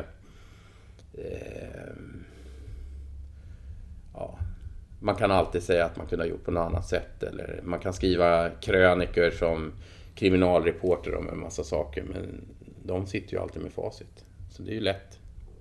Därifrån till centret mot mm. våldsbejakande extremism. Ja, det... Mot våldsbejakande. En del säger ju för va? Så ja, det, alltså, ja, sa jag för? Nej, du sa ju inte det. Ja, nej, jag tänkte men, det. Men jag har suttit ibland så här i Aktuellt studio. Ja, du, center för våldsbejakande extremism. Då blir det så här, ja, mm. ska jag rätta dig här nu? Mm.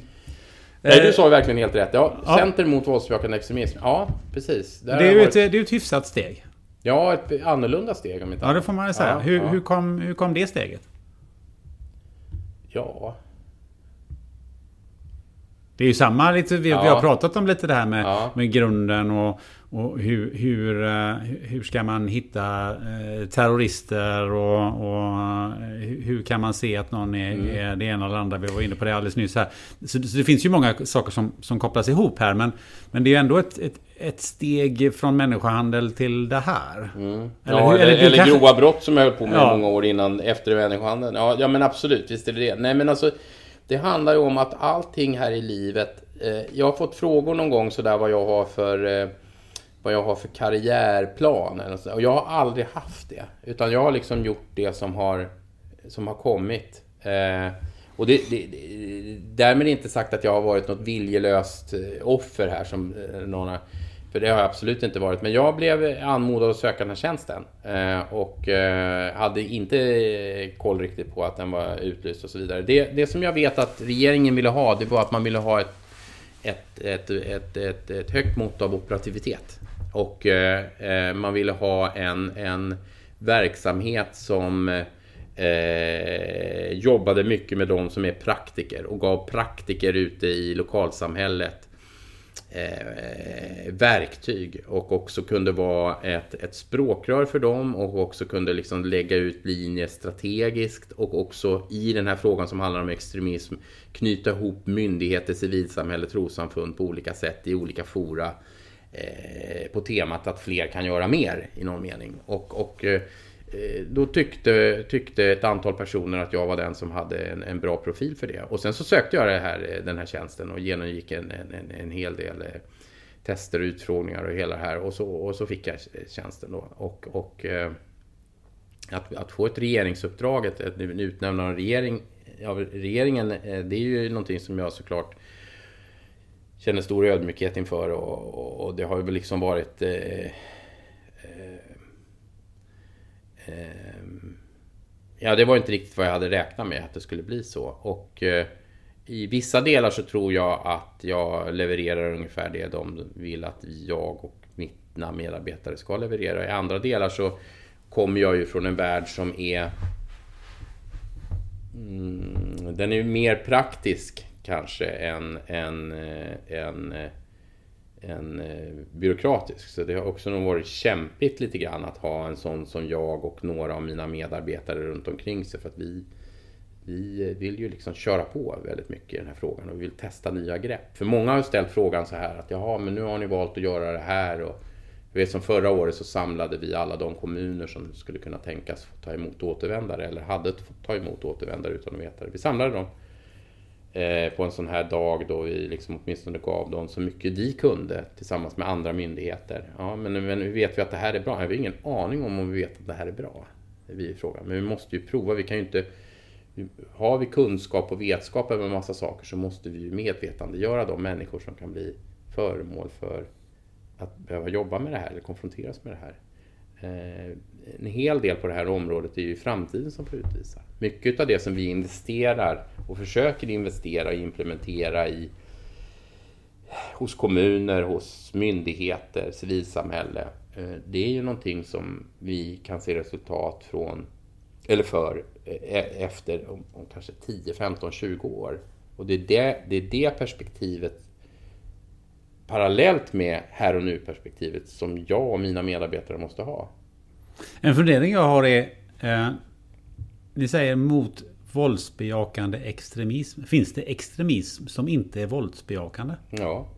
Vad Har du något exempel på det? Nej, Ligger alltså, inte det i sakens natur? Ja, men nej, men alltså alla, alltså du kan ju ha väldigt, väldigt extrema åsikter. Och vi har ju, men det är ju, och, och, och på något vis, och det är där, den där skärningspunkten, den blir ju jävligt svår. För att du har det här att du kan vara, du kan vara extremist, extremist. Du kan tycka att Hitler var jättebra, eller du kan tycka att vi ska ha en, en, en, eh, eh, en, en, ett styrelseskick som är under en person, en, en diktatur, en, en kommunistisk diktatur eller vad som helst. Du kan, eller att det ska vara en... en, en eh, eh, men, men det är den dagen du väljer att ta till våld för att, liksom, för att realisera det här. Den dagen du liksom säger att det är då du passerar det här som är skyddat i våra grundlagar det är då det blir det är då det blir djupt problematiskt. Sen kan man ju säga så här att hela vägen fram där eh, göder ju och föder ju det här. Och de som finns i det där andra spektrat som är skyddat i våra grundlagar det är klart att de också inspirerar de som är våldsbejakande. Så att det är ju en, det är ju en, en, en, fram och tillbakagång i, i, in i de här två, Eh, vad ska jag säga,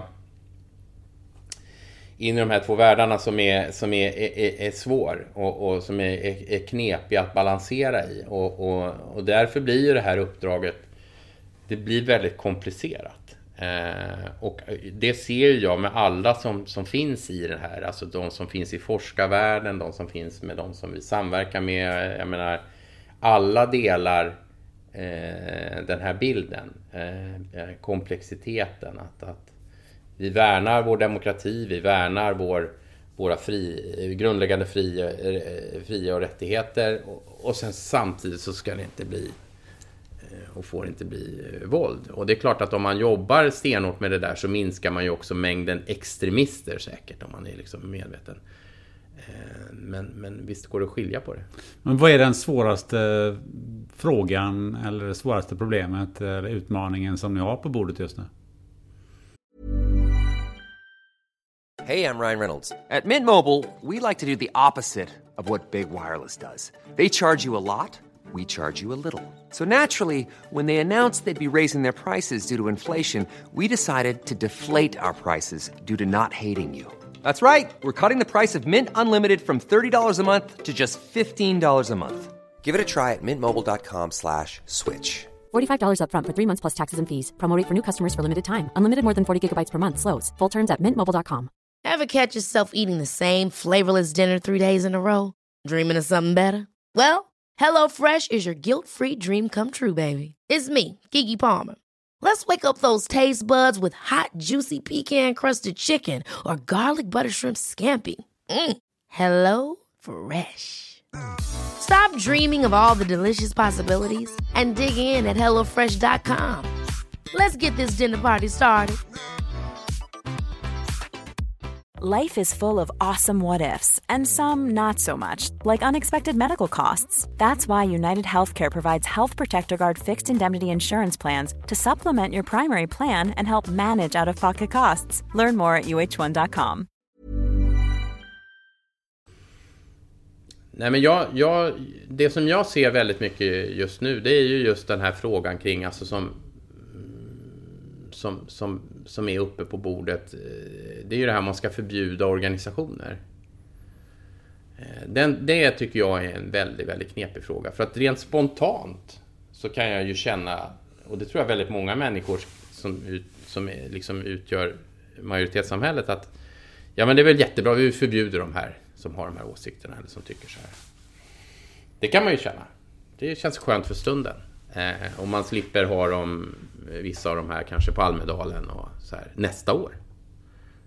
Men så, så byter man skepnad och så blir det någonting annat eh, som vi inte kan se. Eller man stärker radikaliseringen som gör att de här människorna som har de här våldsbejakande extremisttankarna stärks ännu mer i sin, i sin uppfattning om att, att, att eh, den andra delen av samhället har inte fattat, har inte sett det här, förstår inte liksom storheten i det som är våra tankar. Och, och nu har vi dessutom blivit bannlysta och får inte ens alltså, existera som organisation.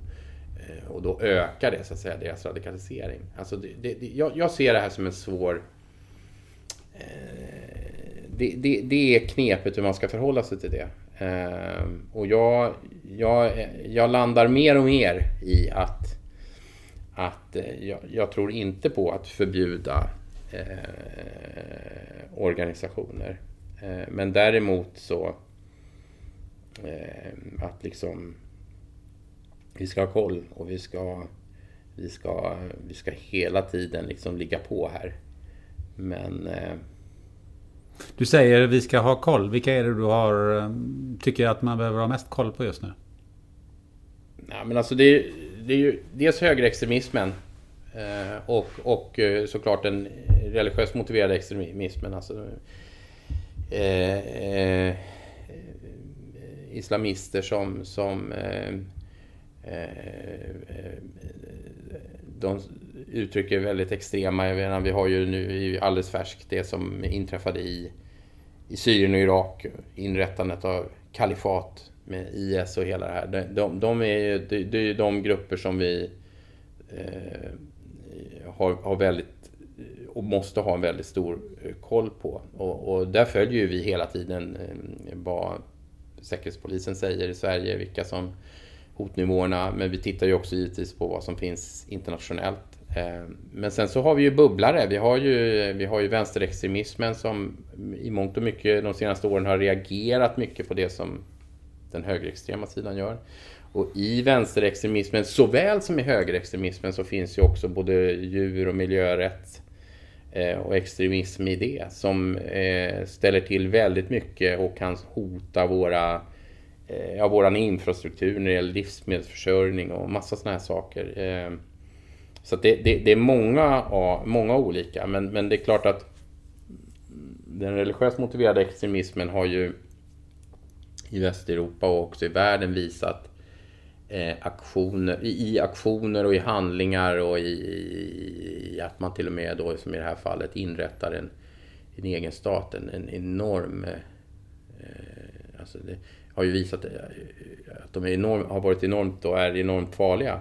Och det är någonting som vi, vi måste eh, jobba stenhårt med. Och det är, det är ingenting som en säkerhetspolis eller en polis enkom kan göra. Utan det här är någonting som man måste lyfta i, i samhället generellt men också på ett internationellt plan. Och dela med oss av olika erfarenheter och hur vi hur vi kan göra. Och en sån sak till exempel som jag ser när det gäller om vi bara pratar Syrien och Irak så handlar det ju väldigt, väldigt mycket om att, att så många som möjligt som har befunnit sig nere i den här regionen och kommer tillbaks eller kan tänkas komma tillbaks ska prövas mot den lagstiftning som, som finns, ehm, eh, brott mot krigets lagar.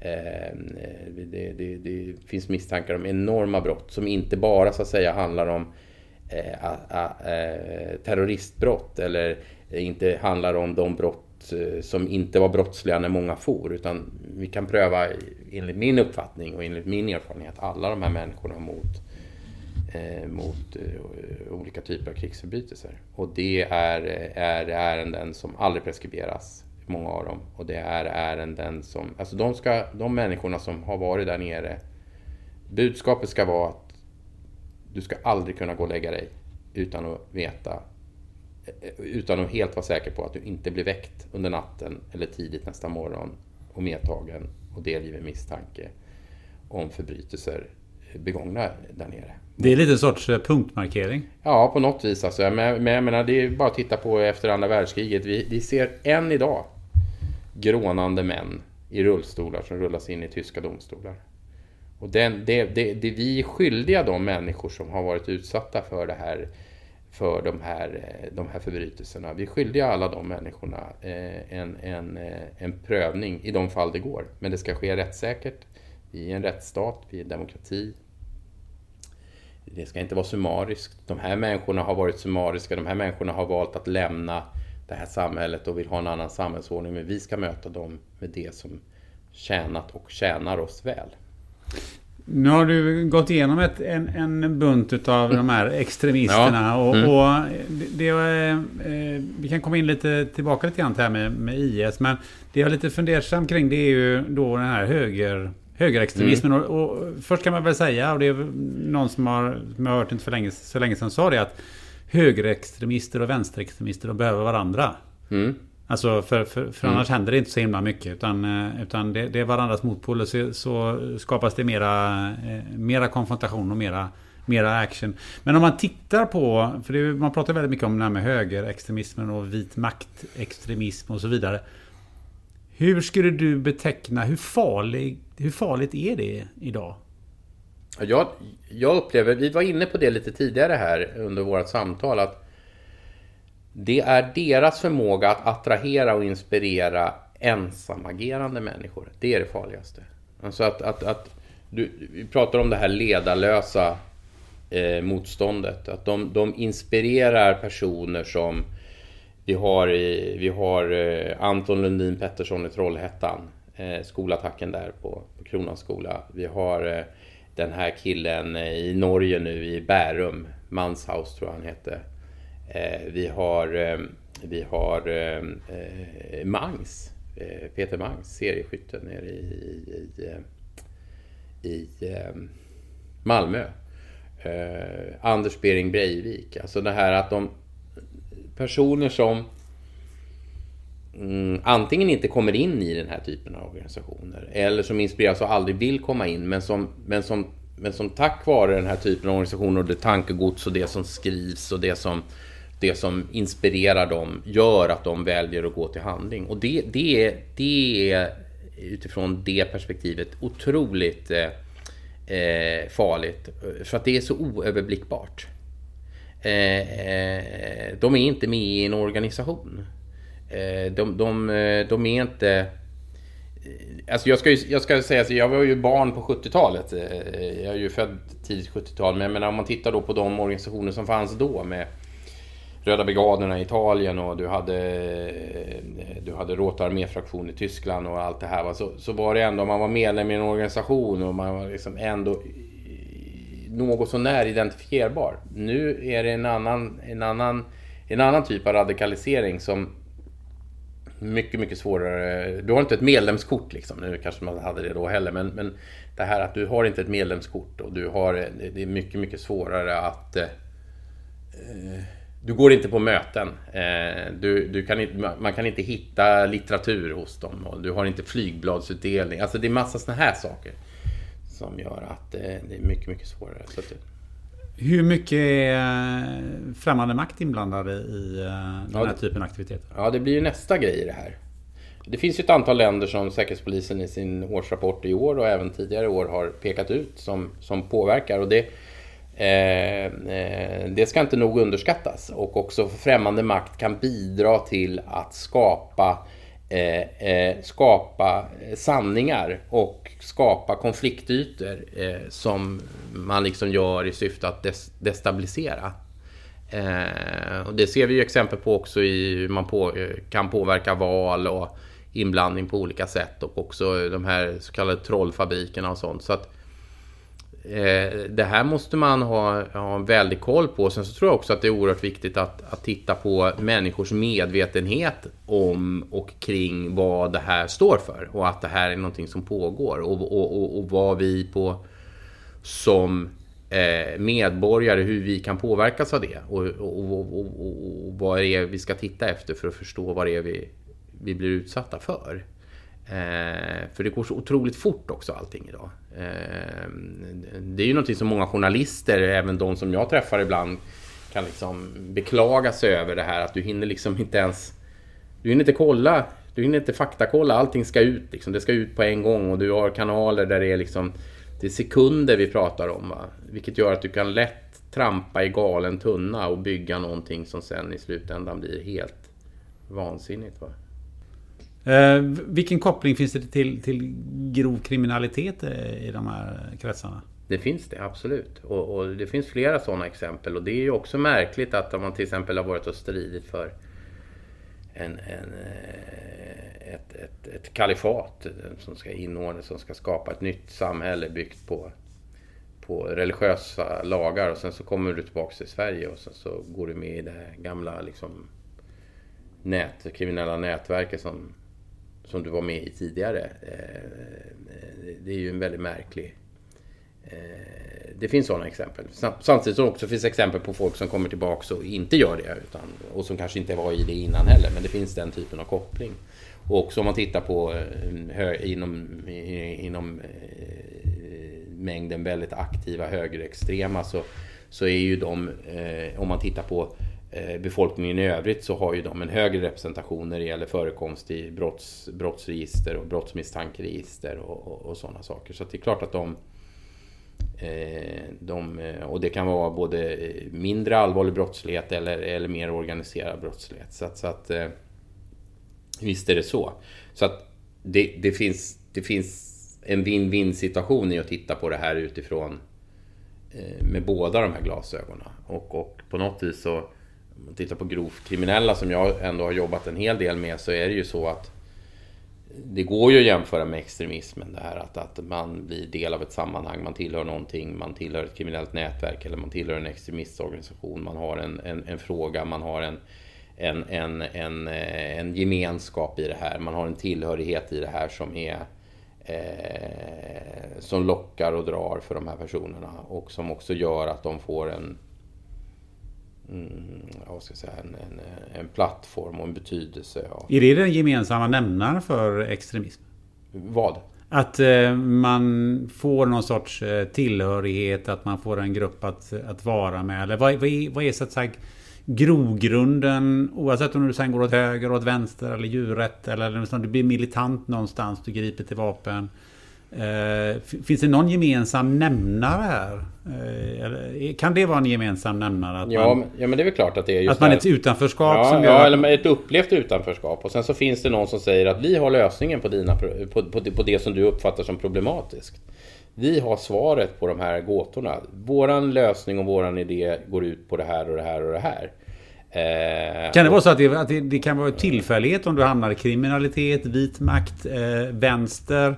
Eh, djurrätt. Ja, jag, eh, tror, jag tror faktiskt att det i viss del kan vara det. Inte alltid, men i viss del tror jag att det kan vara det. Men nu är det liksom nu är det Jonas Troll här som sitter och tänker och tror. Eh, men det tror jag absolut att det kan vara tillfälligheter som gör det. Men just den här att, att vilja eh, Alltså att, att tillhöra, alltså vi vill ju alla tillhöra ett sammanhang. Alla vi människor vill ju göra det. Och vi har olika förutsättningar och och, och, vi är olika bra beroende på lite vad det är vi hamnar i för olika sammanhang. Och, och det är klart att mm, det som är attraherande kanske för många av de här personerna det är ju det att man har en, en gemensam fiende, en gemensam idé om hur saker och ting ska och man har en, en avsaknad av motbudskap.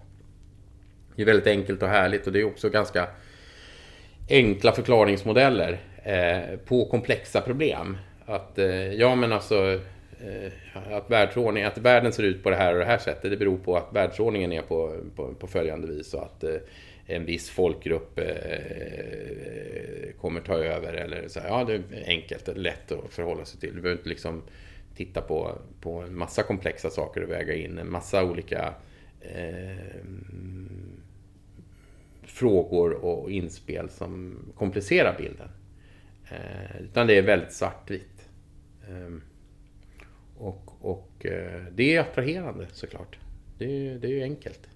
Finns det en, eh, en förklaring i det här då i att vi har ett antal områden kring storstäder och så vidare som, och även ställen på landsbygden att, där det finns ett utanförskap? Ja. Kan det vara förklaringen till att vi, att vi, att vi upplever en, den här extremismen? Mm. Ja, ja, alltså jag, jag, jag menar ju att, att parallellt med mitt vanliga polisjobb så var jag i nio år insatsledare i beredskap i grova våldsbrott. Så för sjätte, var åttonde vecka så åkte jag ut på de här skjutningarna och sånt och ledde kriminalpolisdelen i det där. Och då kom jag, kom jag ju ut i de bostadsområden och de förorter i Stockholm som jag normalt sett inte befinner mig i. Och det är bostadsområden där alla institutioner har försvunnit. Eh, och, och, och, där, där, där det dessutom infrastrukturen och byggena, alltså, vi har pratat om det tidigare idag på lunchen du och jag, det här hur man kan bygga. Alltså där man, där man byggde med ett syfte men, men utifrån ett brottsbekämpande syfte, utifrån ett trygghetssyfte var helt åt helskotta fel. Alltså där den sociala kontrollen inte finns längre eh, utan man kan man har, liksom, man har stora ytor där narkotikaförsäljning kan ske utan insyn eller eller där man... och där man också har människor som har hög arbetslöshet, där, där skolorna inte finns längre. Det, det, det, eh, där skolvalen har gjort att skolorna i de här områdena har lagts ner och där, där eh, det som vi andra, majoriteten i samhället upplever som självklarheter ska finnas, där vi befinner oss och lever, finns inte längre. Det ökar ju eh, ett utanförskap och ökar en uppfattning om att, att oss är det ingen som bryr sig om. Och då, då ökar ju också eh, eh, attraktiviteten hos de som kommer och säger så här, men vi har en lösning här. Vare sig den är kriminell eller extrem eh, religiös eller vad det nu än är va. Eller politisk. Så, så, så ökar ju det. Och likadant har du på de orter där, mm, där du har stor utflyttning och kanske eh, få eller ingen längre arbetsgivare och där, där, allt, där man upplever att allting runt omkring läggs ner och sen så kommer någon och säger att ja, men det, beror, det beror på det här. Det beror på att Sverige har valt vissa vägval i olika typer av frågor. Eh, det är därför du har det på det här viset. Det är därför du inte har någon flickvän, det är därför du inte har något arbete, det är därför du inte har... Ja, vad fasen. Du har pratat om att E45 eh, e ja. kan man ha som någon sorts eh, nerv genom Sverige. Och ja. genom, om man tittar på just det här med, med du, högerextremism. Ja. Och det är ju för jävla sorgligt. Men åker du den vägen upp igenom. Jag gör ju det rätt ofta i och med att jag bor både i glesbygd och i huvudstaden. Så, så ser jag ju det här. Man ser de här byarna och samhällena. Som en gång i tiden har varit stolta bruks, bruksorter med, med liksom alla ja, med, med en väl fungerande social struktur och liksom ett, ett, ett, ett, ett, eh, ett samhälle som inte längre finns. Ja, jag brukar ha det som, eh, vi brukar prata om det hemma som exempel, ja. Lesjöfors. Ja. När, jag var, när jag var barn så, ja. så bodde jag i, i Kungälv. Ja. Och, och, då bor man i Kungälv så går man på bandy. Ja. Och Lesjöfors var en av de absolut bästa lagen i Sverige i bandy. Och de hade ju bruk och det fanns ju... Eh, det var en, levande bygd. Men åker du genom Lesjöfors idag så, så kan man ju liksom... Ja, det du, det du säger. Man kan förstå att det, att, att det uppstår saker och ting där. Ja. Och, och, och jag jag säger ju det med sorg. Alltså, ja, det är klart. Alltså jag, jag, och det tror jag du gör också. Just det här att det finns en sorg i det här att... Hur ska du liksom... Ja men det säger sig självt, de här orterna kan ju inte enkom leva på loppisar. Nej. Nej. Men det är ju det det är, det, det är i väldigt stor utsträckning. Och, och, och, och, om man har då också en hög arbetslöshet så, och, och du får inget betalt för den bostad du kanske äger Eh, och du kan heller inte låna på den och renovera den. Eh, jag tycker när jag åker genom Sverige, som jag gör otroligt mycket, dels i mitt jobb men också i mitt privata, så, så, så, kan man ju åka igenom orter ibland där man ser att ja men här, här är husen liksom, de är värda hälften av vad Sveriges mest sålda bil kostar ny. Eh, ja, du kan inte ens sätta in ett nytt fönster om du inte har kontanter. Utan du får dra en skiva. Jag åkte just genom ett sånt samhälle igår. Eh, där man liksom ser de här plyfaskivorna i hus där folk bor. Um, och det gör någonting med folk tror jag.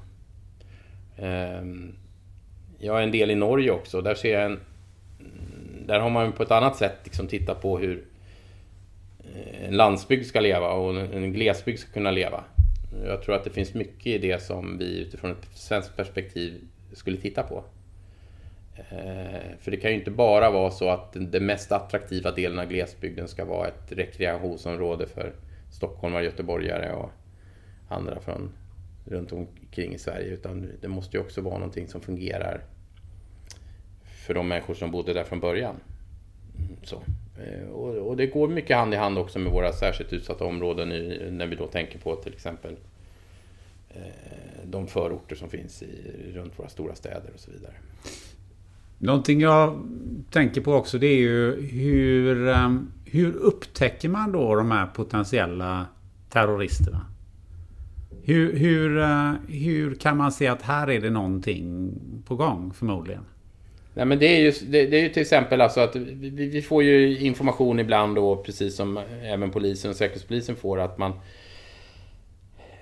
eh, man utifrån eh, ja, våldsbejakande extremister väljer att köpa upp eller etablera sig på små orter där det är förhållandevis billigt. Budskap, det klistras upp budskap i, i tätorter i anslutning till de här kanske mindre orterna. Det, eh, man kandiderar i olika typer av, eh, av eh, politiska sammanhang. Man, man bedriver aktioner med flygbladsutdelning eller man vill propagera för sina saker i skolor och, och, och, och, och sådana här saker. Ehm, och, och, det, och det, det, det, är ju på vissa orter och det, på vissa orter är det ganska är de ganska tongivande och också skrämmande. De skrämmer eh, lokala politiker, de skrämmer eh, människor kanske som har eh, annan bakgrund, annan etnicitet. Eh, och de eh, liksom bidrar till att eh, ta, i vissa delar också eh, försöka ta över eh, eh, saker. Och, och eh, ja, ja, vi, får ju, vi får ju sådana tecken då och då. Eller då och då, det får vi ju ganska ofta. Vi, vi, vi har ju en funktion på centret här där vi jobbar med stöd till kommuner. Och eh, vi träffar kommuner i olika sammanhang beroende på vad de har för olika typer av problembild och lägesbild. Och, eh, det finns tecken liksom på, just det här när det börjar bubbla upp det här med affischering, olaga affischering, eh, dekaler, flygbladsutdelningar, eh, kanske utspel eller man, eh, man samlar många i bygdegårdar och hembygdsgårdar och folk som hyr ut sådana här lokaler vet inte om vad det är de hyr ut till och sådana här saker. Så det, det ja, knepigt. Men vi har ju touchat vid där lite grann vad, vad man ska göra med de här. Vi var, vid något tillfälle pratade vi om att ska exkludera eh, människor. Oavsett om de nu är återvändare från IS eller om det är, är, är eh, nazister eller, eller vad det nu månde vara. Um, och just det jag tänker med, med de återvändarna från, från IS. Eh, är ju många som säger att de, de ska inte få någon hjälp överhuvudtaget. De, de, vi vill inte ha dem, vi bara spärrar ut dem här, härifrån. Um, och är det den bästa metoden att bli av med den här typen av eh, extremism? Att liksom exkludera dem, hålla dem borta? Eller vad, vad, hur, ska, hur ska vi bära oss åt för att, för att hantera det? Nej, jag tror inte det.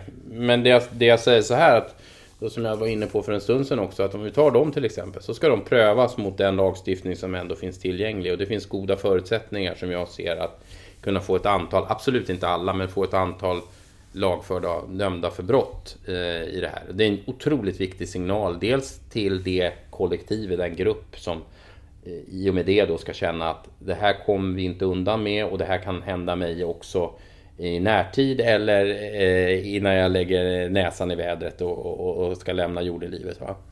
Eh, det, det, är den ena delen i, i det här, att, att, att man gör det. Men, men, men sen att att säga att bara, eh, alltså när, när eh, mm, eh, kan du inte i det fallet till exempel bevisa brott.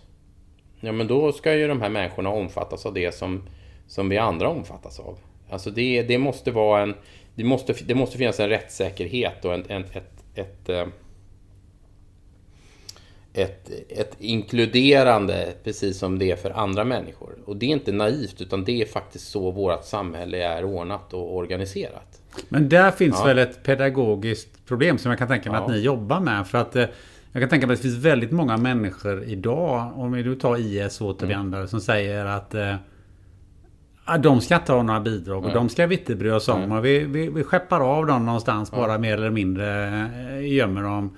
Och så finns det en andra del som man måste inkludera dem, vi måste satsa på att på att derak, re, re, ähm, radikalisera dem äh, och, och, och, och satsa massa, det kostar pengar och så vidare. Och så, och så säger man så här, ja, varför ska vi bry oss om med, med våra skattepengar? Och äh, dels så funderar jag på hur hur löser man den pedagogiken? För den kan ju också föda en annan typ av extremism. Alltså ja. att, att man säger så här att jaha, eh, nu ska vi satsa. Jag vill inte vara med och betala de här. Mm. Nej, då går jag åt andra hållet. Mm. Jag beger mig in i, mm. i, i vit maktrörelsen. Ja. Det säga att de där ska vi skjuta eller vad man nu, mm. vad man nu, mm. vad man nu hittar på för någonting. Um, hur klarar man den pedagogiken? Ja, men alltså, du, kan ju, för, alltså, du, du kan ju inte så att säga få alla att tycka att, att de system som vi har i vårt land är, är, är det rätta. Men du måste ju ändå, jag tycker ändå att det är viktigt att förklara att, att, att samhället måste visa och ska göra allt de kan i syfte att försöka få de här personerna i den utsträckning det går dömda för, för de misstankar och de brott som de kan, alltså som de kan misstänkas för. Det, det, det ska man visa. Men, men precis som när det gäller annan brottslighet så är det ju så att det sker ju saker varje dag av mer eller mindre allvarlig karaktär som människor kommer undan med. Som människor inte så att säga blir lagförda för. Och det, och det är ju en del i, i att leva i ett rättssamhälle, i en rättsstat, i en demokrati som vi lever i. Så är det liksom det, det är ju på det vi vilar. Vi, vi ska vara en... en vi, vi, vi, eh, vi ska kunna bevisa det vi... Och, och den, som, den som blir anklagad för någonting ska också ha möjlighet att kunna försvara sig från det som hon eller han eh, blir, eh, blir anklagad för. Det är liksom det är grunden. Och det, det är någonting som vi hela tiden måste, måste diskutera. Eh, men om man inte gör det eller visar en slapphänthet eller inte redovisar det här ja då riskerar man ju att öka en radikalisering å, å andra sidan och då kan det bli många fler. Men jag tror att om man ändå har en, en klar och tydlig linje här så minskar, eh, minskar eh, benägenheten att till exempel radikaliseras utifrån ett, då, ett politiskt perspektiv. Att ja, men, här tar man ju inte tag i det här, alltså eh, går jag med i den här grupperingen eller den här organisationen. Och det, eh, eh, det, det, det tror jag är otroligt viktigt att man ändå, att man ändå gör klart och att vi liksom visar en, en, eh, ett, eh, en, ett engagemang och en, en vilja att det ska vara på det sättet. Ehm, eh, och sen när det gäller det här med att exkludera, för du var inne på det också, att exkludera, ja, att inte inkludera. Men alltså, om vi väljer ett system där vi väljer att exkludera människor eh, för deras åsikter och, och hela det här. Att inte överhuvudtaget eh, ta någon form av eh, eh, grepp för att deradikalisera eller på andra sätt liksom kyla ner. Ja, men då tror jag, eller tror jag, det är på det sättet att då ökar ju deras benägenhet att radikaliseras än mer. Så att även om människor har förskräckliga åsikter och våldsbejakande åsikter och allting så tjänar vi på att försöka ändå att, att ha någon form av i syfte att liksom kyla ner det här, att inte öka deras upplevelse av eh, att, att man är liksom ansatt och eh, det är bara vi som har sett det som ingen annan har sett, ingen annan har förstått. Men det är ju inga lätta saker det här. Nej, det är, det är svårt. Det kan jag, absolut, och det är, väl, det är väl därför vi, vi snurrar kring det här. Jag tänkte att eh, eh, vi ska börja avrunda här eh, snart, men jag tänkte att vi nu har vi pratat i, i, i lite ganska breda termer om organisationer och er organisation och så vidare. Jag tänkte att vi eh, skulle gå ner i eh, i det lilla, alltså i, det, i det personliga. För att det är ju där någonstans som människor upplever, kan uppleva en vardag. Eh, alltså, jag tänker mig, hur ska man hantera det om jag är... Säg så att jag är, är pappa till, eh, till en, en 12-åring som går i en, en, en vanlig klass någonstans i någon skola. Och så, eh, och så visar sig det att om den som är klassförälder där, han är ju han är ju nog högt uppsatt inom eh, NMR. Mm. Och då är det ju väldigt lätt hänt att jag har en helt annan och jag tycker att detta är förfärligt mm. och så reagerar jag på något sätt här. Mm.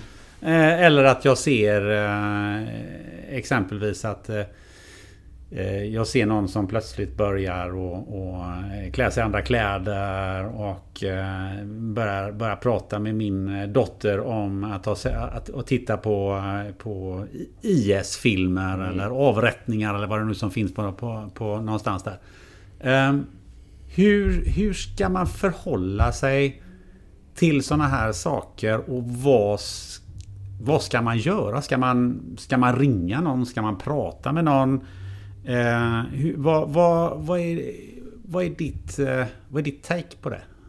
Ja, men jag tänker att man utifrån ett föräldraperspektiv så ska, man, ska det ju alltid finnas ett engagemang i vad ens barn gör. Och det, det är ju, det har ju vevats i, i alla tider liksom att vi ska försöka engagera oss i eh, det som våra barn då eventuellt då attraheras av och försöka förstå och också ta en diskussion och också ta kanske deras eh, många gånger både naiva och svartvita syn och tro på samhället. Ta en diskussion kring det.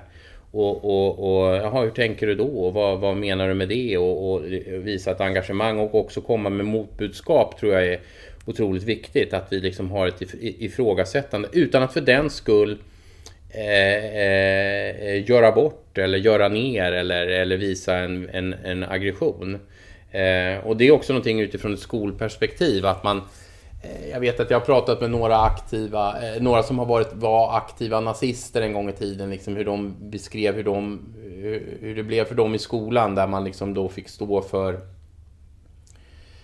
den här väldigt extrema eh, läran och ideologin och så fick man liksom stå i någon slags skampål inför klassen eller rent av hela skolan då. Där, där och det, det, gjorde ju bara att den här, de här personerna har stärkts. Eh, istället för att man liksom försöker ändå att, att ta en, en, en, hur upprörd eller hur förfärad man än kan vara, ändå försöka ta en diskussion på ett tidigt stadium. För att jag, för att ju tidigare du kan göra det, desto bättre. Och, och, och sen har du också sen har du ett medarbetarskap. Du kan ju ha det här på en arbetsplats. Att, att, eh, att eh, ja, men alltså, våran värdegrund på det här företaget eller på den här arbetsplatsen säger ju det här. Och, och, och det här, hur tänker du när det gäller det här? Och vad är din... Alltså att man tar den här typen av, av, eh, av diskussioner eh, och, och försöker göra det så, så tidigt som det bara går. Eh, det, det, det tjänar alla på. Och det tjänar ju också de här personerna på. För att det är ju på det viset att ett, ett liv i organiserad kriminalitet eller ett liv i en extremistorganisation, det är ju ett liv i, i ett utanförskap. Ett liv som är betydligt tuffare att leva än, än det liv som, som vi andra eh, får leva. Så att man, alla har ju, har ju att vinna på det. Eh, både, både rent mänskligt och, och eh, men det finns ju en stigmatisering mm. med när man börjar prata med eh, människor. Om, om jag skulle börja att prata med, med den här mannen som, mm. som är högt uppsatt i en mm. NMR. Mm. Och så vet alla andra det. Mm. Så finns ju vad tänker här, man om dig då? Så tänker man om mig då. Mm. Och, så, och så blir det det här mm. vi mot andra. Så det finns mm. någon sorts... Det finns ju någon underförstådd mm. mening. Att pratar du med en sån människa då har du förmodligen samma åsikter. Mm. Men, ta, men, men, man kan ta det där exemplet då. Du tog det där med klasspappan. Men man tar det här att du har, du har, du har barn som blir bjudna på barnkalas dit. Mm. Det är inte ja. orimligt. Det, det, så är det ju i vissa orter i Sverige. Idag. As we speak. Ja, vi kanske ska göra det ändå. Alltså istället för att, jag menar, vad, vad, skapar vi annars? Vi skapar ju också en bild av att det här är ju barn som växer upp i familjer som redan idag eh, har märkt att folk och spottar och fräser efter deras föräldrar i lokala livsmedelsbutiken. Det är klart att de inte är omedvetna om att det finns en, en, någonting i den här familjen hos min pappa och min mamma som inte är, utgör normen. Eh, och om man då som förälder och eh, till ett annat barn bidrar till att stärka det, eh, ja då har vi kanske en ny generation i vardande. Men alltså det här är inte lätta saker. Det här är, det är lätt för mig att sitta här och säga det, eller, eller i, i, men när man ställs inför det här. Kan man få hjälp någonstans? Ja, men det, det tycker jag. Dels så har ju, alltså när det gäller de som är, är yrkesaktiva så vi är ju ute, om man bara tittar som vi som Center, vi är ute jättemycket i, i kommunerna och vi har också eh, stödtelefoner för, eh, vad heter det, mm, yrkesverksamma. Sen har vi sån här, sen finansierar vi eh, en tjänst som Rädda Barnen har, en orostelefon, där vi har ett antal människor som sitter och svarar på just sådana här frågor för privatpersoner. Och det är inte en myndighet som faciliterar utan det är Rädda Barnen. Och den, den tror jag är ganska bra. Sen har ju kommunerna eh, ofta samordn eller har ju samordnare i de här frågorna som eh, kan hjälpa till eh, och stötta. Jag tycker att Sveriges skolor eh, många gånger, i det jag kan överblicka, har en god förståelse och idé om deras roll och liksom vikten av ett inkluderande sätt till alla elever oavsett. Och, jag tror att det har hänt och händer väldigt, väldigt mycket på skolområdet som är positivt. Eh, jag sa någon gång här under vårt väldigt långa samtal just det här att det här är en fråga som omfattar så många.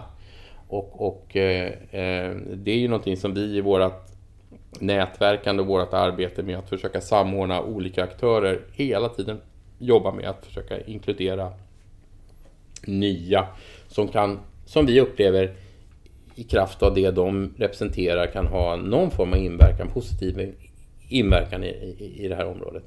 Eh, det handlar om att liksom sprida kunskap och det handlar om att, att väcka den här frågan och det handlar om att lägga den på en vettig nivå.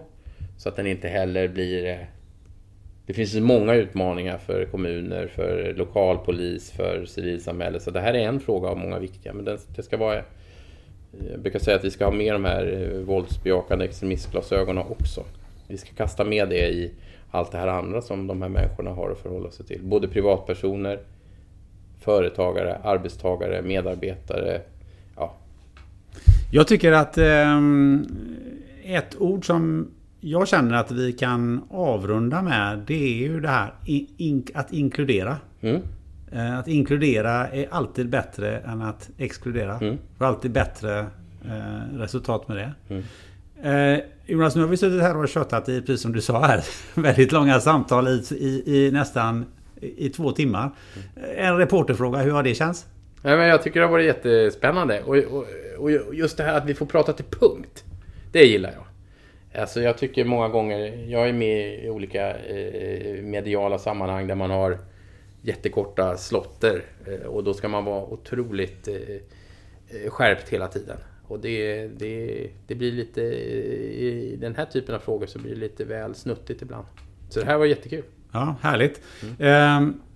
Jag vet att jag också i uppsnacket sa, sa till dig så här. Ehm, kan, kan man intervjua vem som helst? Och det, ditt svar var väl i princip eh. Nu kommer jag skjuta en fråga från höften som du inte har fått fundera på. Mm. Men, men om du skulle se någon som jag skulle intervjua i den här podden. Vem tycker du det borde vara? Nej men så här. Det, utan, att, utan att säga något namn. För att det, det, kan ju vara så att den personen eh, inte alls är särskilt intresserad av att, att jag ska outa just den personen i det här läget. Men jag, jag tycker att du ska du ska försöka intervjua eh, no, vid något tillfälle någon person som liksom har hoppat av antingen en extremistorganisation eller en, en, en, en, en grov, alltså en, en, en eh, organisation som sysslar med grov kriminalitet. Eh, det, det, tycker jag är oerhört intressant eh, att lyssna på. Och eh, att du pratar med den personen och också vad det var som gjorde att... För, det vi vet väldigt mycket med människor som väljer att hoppa av, det är att det är en process som påbörjas väldigt, väldigt tidigt många gånger. Alltså man går och tänker på det här kanske i 8-10 år innan man väl till slut tar det där steget. Och vad var det som fick att någon trillade över? Alltså vad, är, vad var liksom själva eh, brytpunkten. Den, för den är väldigt intressant och den behöver vi lära oss mer om. Eh, vad var det som var det för en viss person och vad hade man kunnat gjort på ett tidigare stadium? För att det är ju ett lidande för samhället, för människor runt omkring. Det är ekonomiskt lidande och också ett lidande för de här personerna själva. Så det tycker jag är oerhört intressant och det kan tjäna som inspiration också för människor i extremistorganisationer eller i, i organisationer som sysslar med grov kriminalitet. Det, det, skulle jag vilja säga. Superintressant. Ja, mm. det, det, det, ska jag definitivt eh, mm. klura på. Mm. Du, om man vill ha eh, tag på dig eller, eller mm. följa dig på något sätt. Eh, sådär, hur, hur, eller följa ert arbete. Mm. Hur, hur, gör man då? Ja, men vi har en ganska nu... Vi har en, en Center mot våldsbejakande extremism har en hemsida och vi finns på Facebook, vi finns på LinkedIn, vi finns på Twitter och sånt där. Jag, jag, ska säga det att jag är inte så eh, jättedigital och aktiv själv. Det har ju du själv märkt. eh, jag har fantastiska medarbetare på det området som, eh, som vet och kan sköta det där på ett, ett, ett, ett, ett bra sätt. Ehm, eh, men vi har en omvärldsbevakning. Vi har nyhetsbrev. och vi kommer ut med en del publikationer nu i närtid. Den 29 släpper vi tror jag det är, eller om det är den 30 släpper vi två ganska omfattande publikationer och sen i slutet på augusti så släpper eh, Försvarshögskolan en, en, en, en eh, publikation som eh, vi redovisar då men som vi har varit med och finansierat. Så att, så att, och sen har vi också en hel del arrangemang, både numera virtuellt eh, som går att titta på i efterhand. På, eh, det finns länkar till det på vår hemsida. Eh, och eh, vi har också arrangemang i, i pipen inför hösten som vi nu planerar för både, både virtuellt och IRL som det heter. IRL. Ja, intressant. Jonas Trolle, ett eh, stort tack att Mm. du ville ta dig tid och sitta här och snacka med mig. Mm, tack själv. Tack. Kul. Ja. Under våren och sommaren har vi pratat en hel del om terrorism, asymmetriska hot och spionage i den här podden. Nu lämnar vi det ämnet för ett tag. För nästa gång, ja, då ska ni få träffa Frida Torgeby som är expert på färgsättning av bilar. Men också gett ut en bok om hur man kommer närmare naturen genom att sova ute. Och yes, helt rätt. Frida är gift med Marcus som var en av poddens första gäster. Fram till dess, varför inte testa att ta något gott att dricka, öppna fönster på vid gavel och känna på hur det skulle kunna vara att sova under bar himmel. Ha det gött!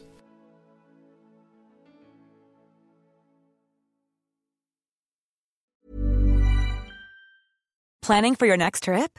Elevate your travel style with Quince. Quince has all the jet setting essentials you'll want for your next getaway, like European linen, premium luggage options, buttery soft Italian leather bags, and so much more. And is all priced at 50 to 80% less than similar brands. Plus, Quince only works with factories that use safe and ethical manufacturing practices. Pack your bags with high-quality essentials you'll be wearing for vacations to come with Quince. Go to quince.com slash pack for free shipping and 365-day returns. Even when we're on a budget, we still deserve nice things. Quince is a place to scoop up stunning high-end goods for 50 to 80% less than similar brands. They have buttery soft cashmere sweaters starting at $50, luxurious Italian leather bags, and so much more. Plus, Quince only works with factories that use safe, ethical, and responsible manufacturing. Get the high-end goods you'll love without the high price tag with Quince. Go to quince.com slash style for free shipping and 365-day returns.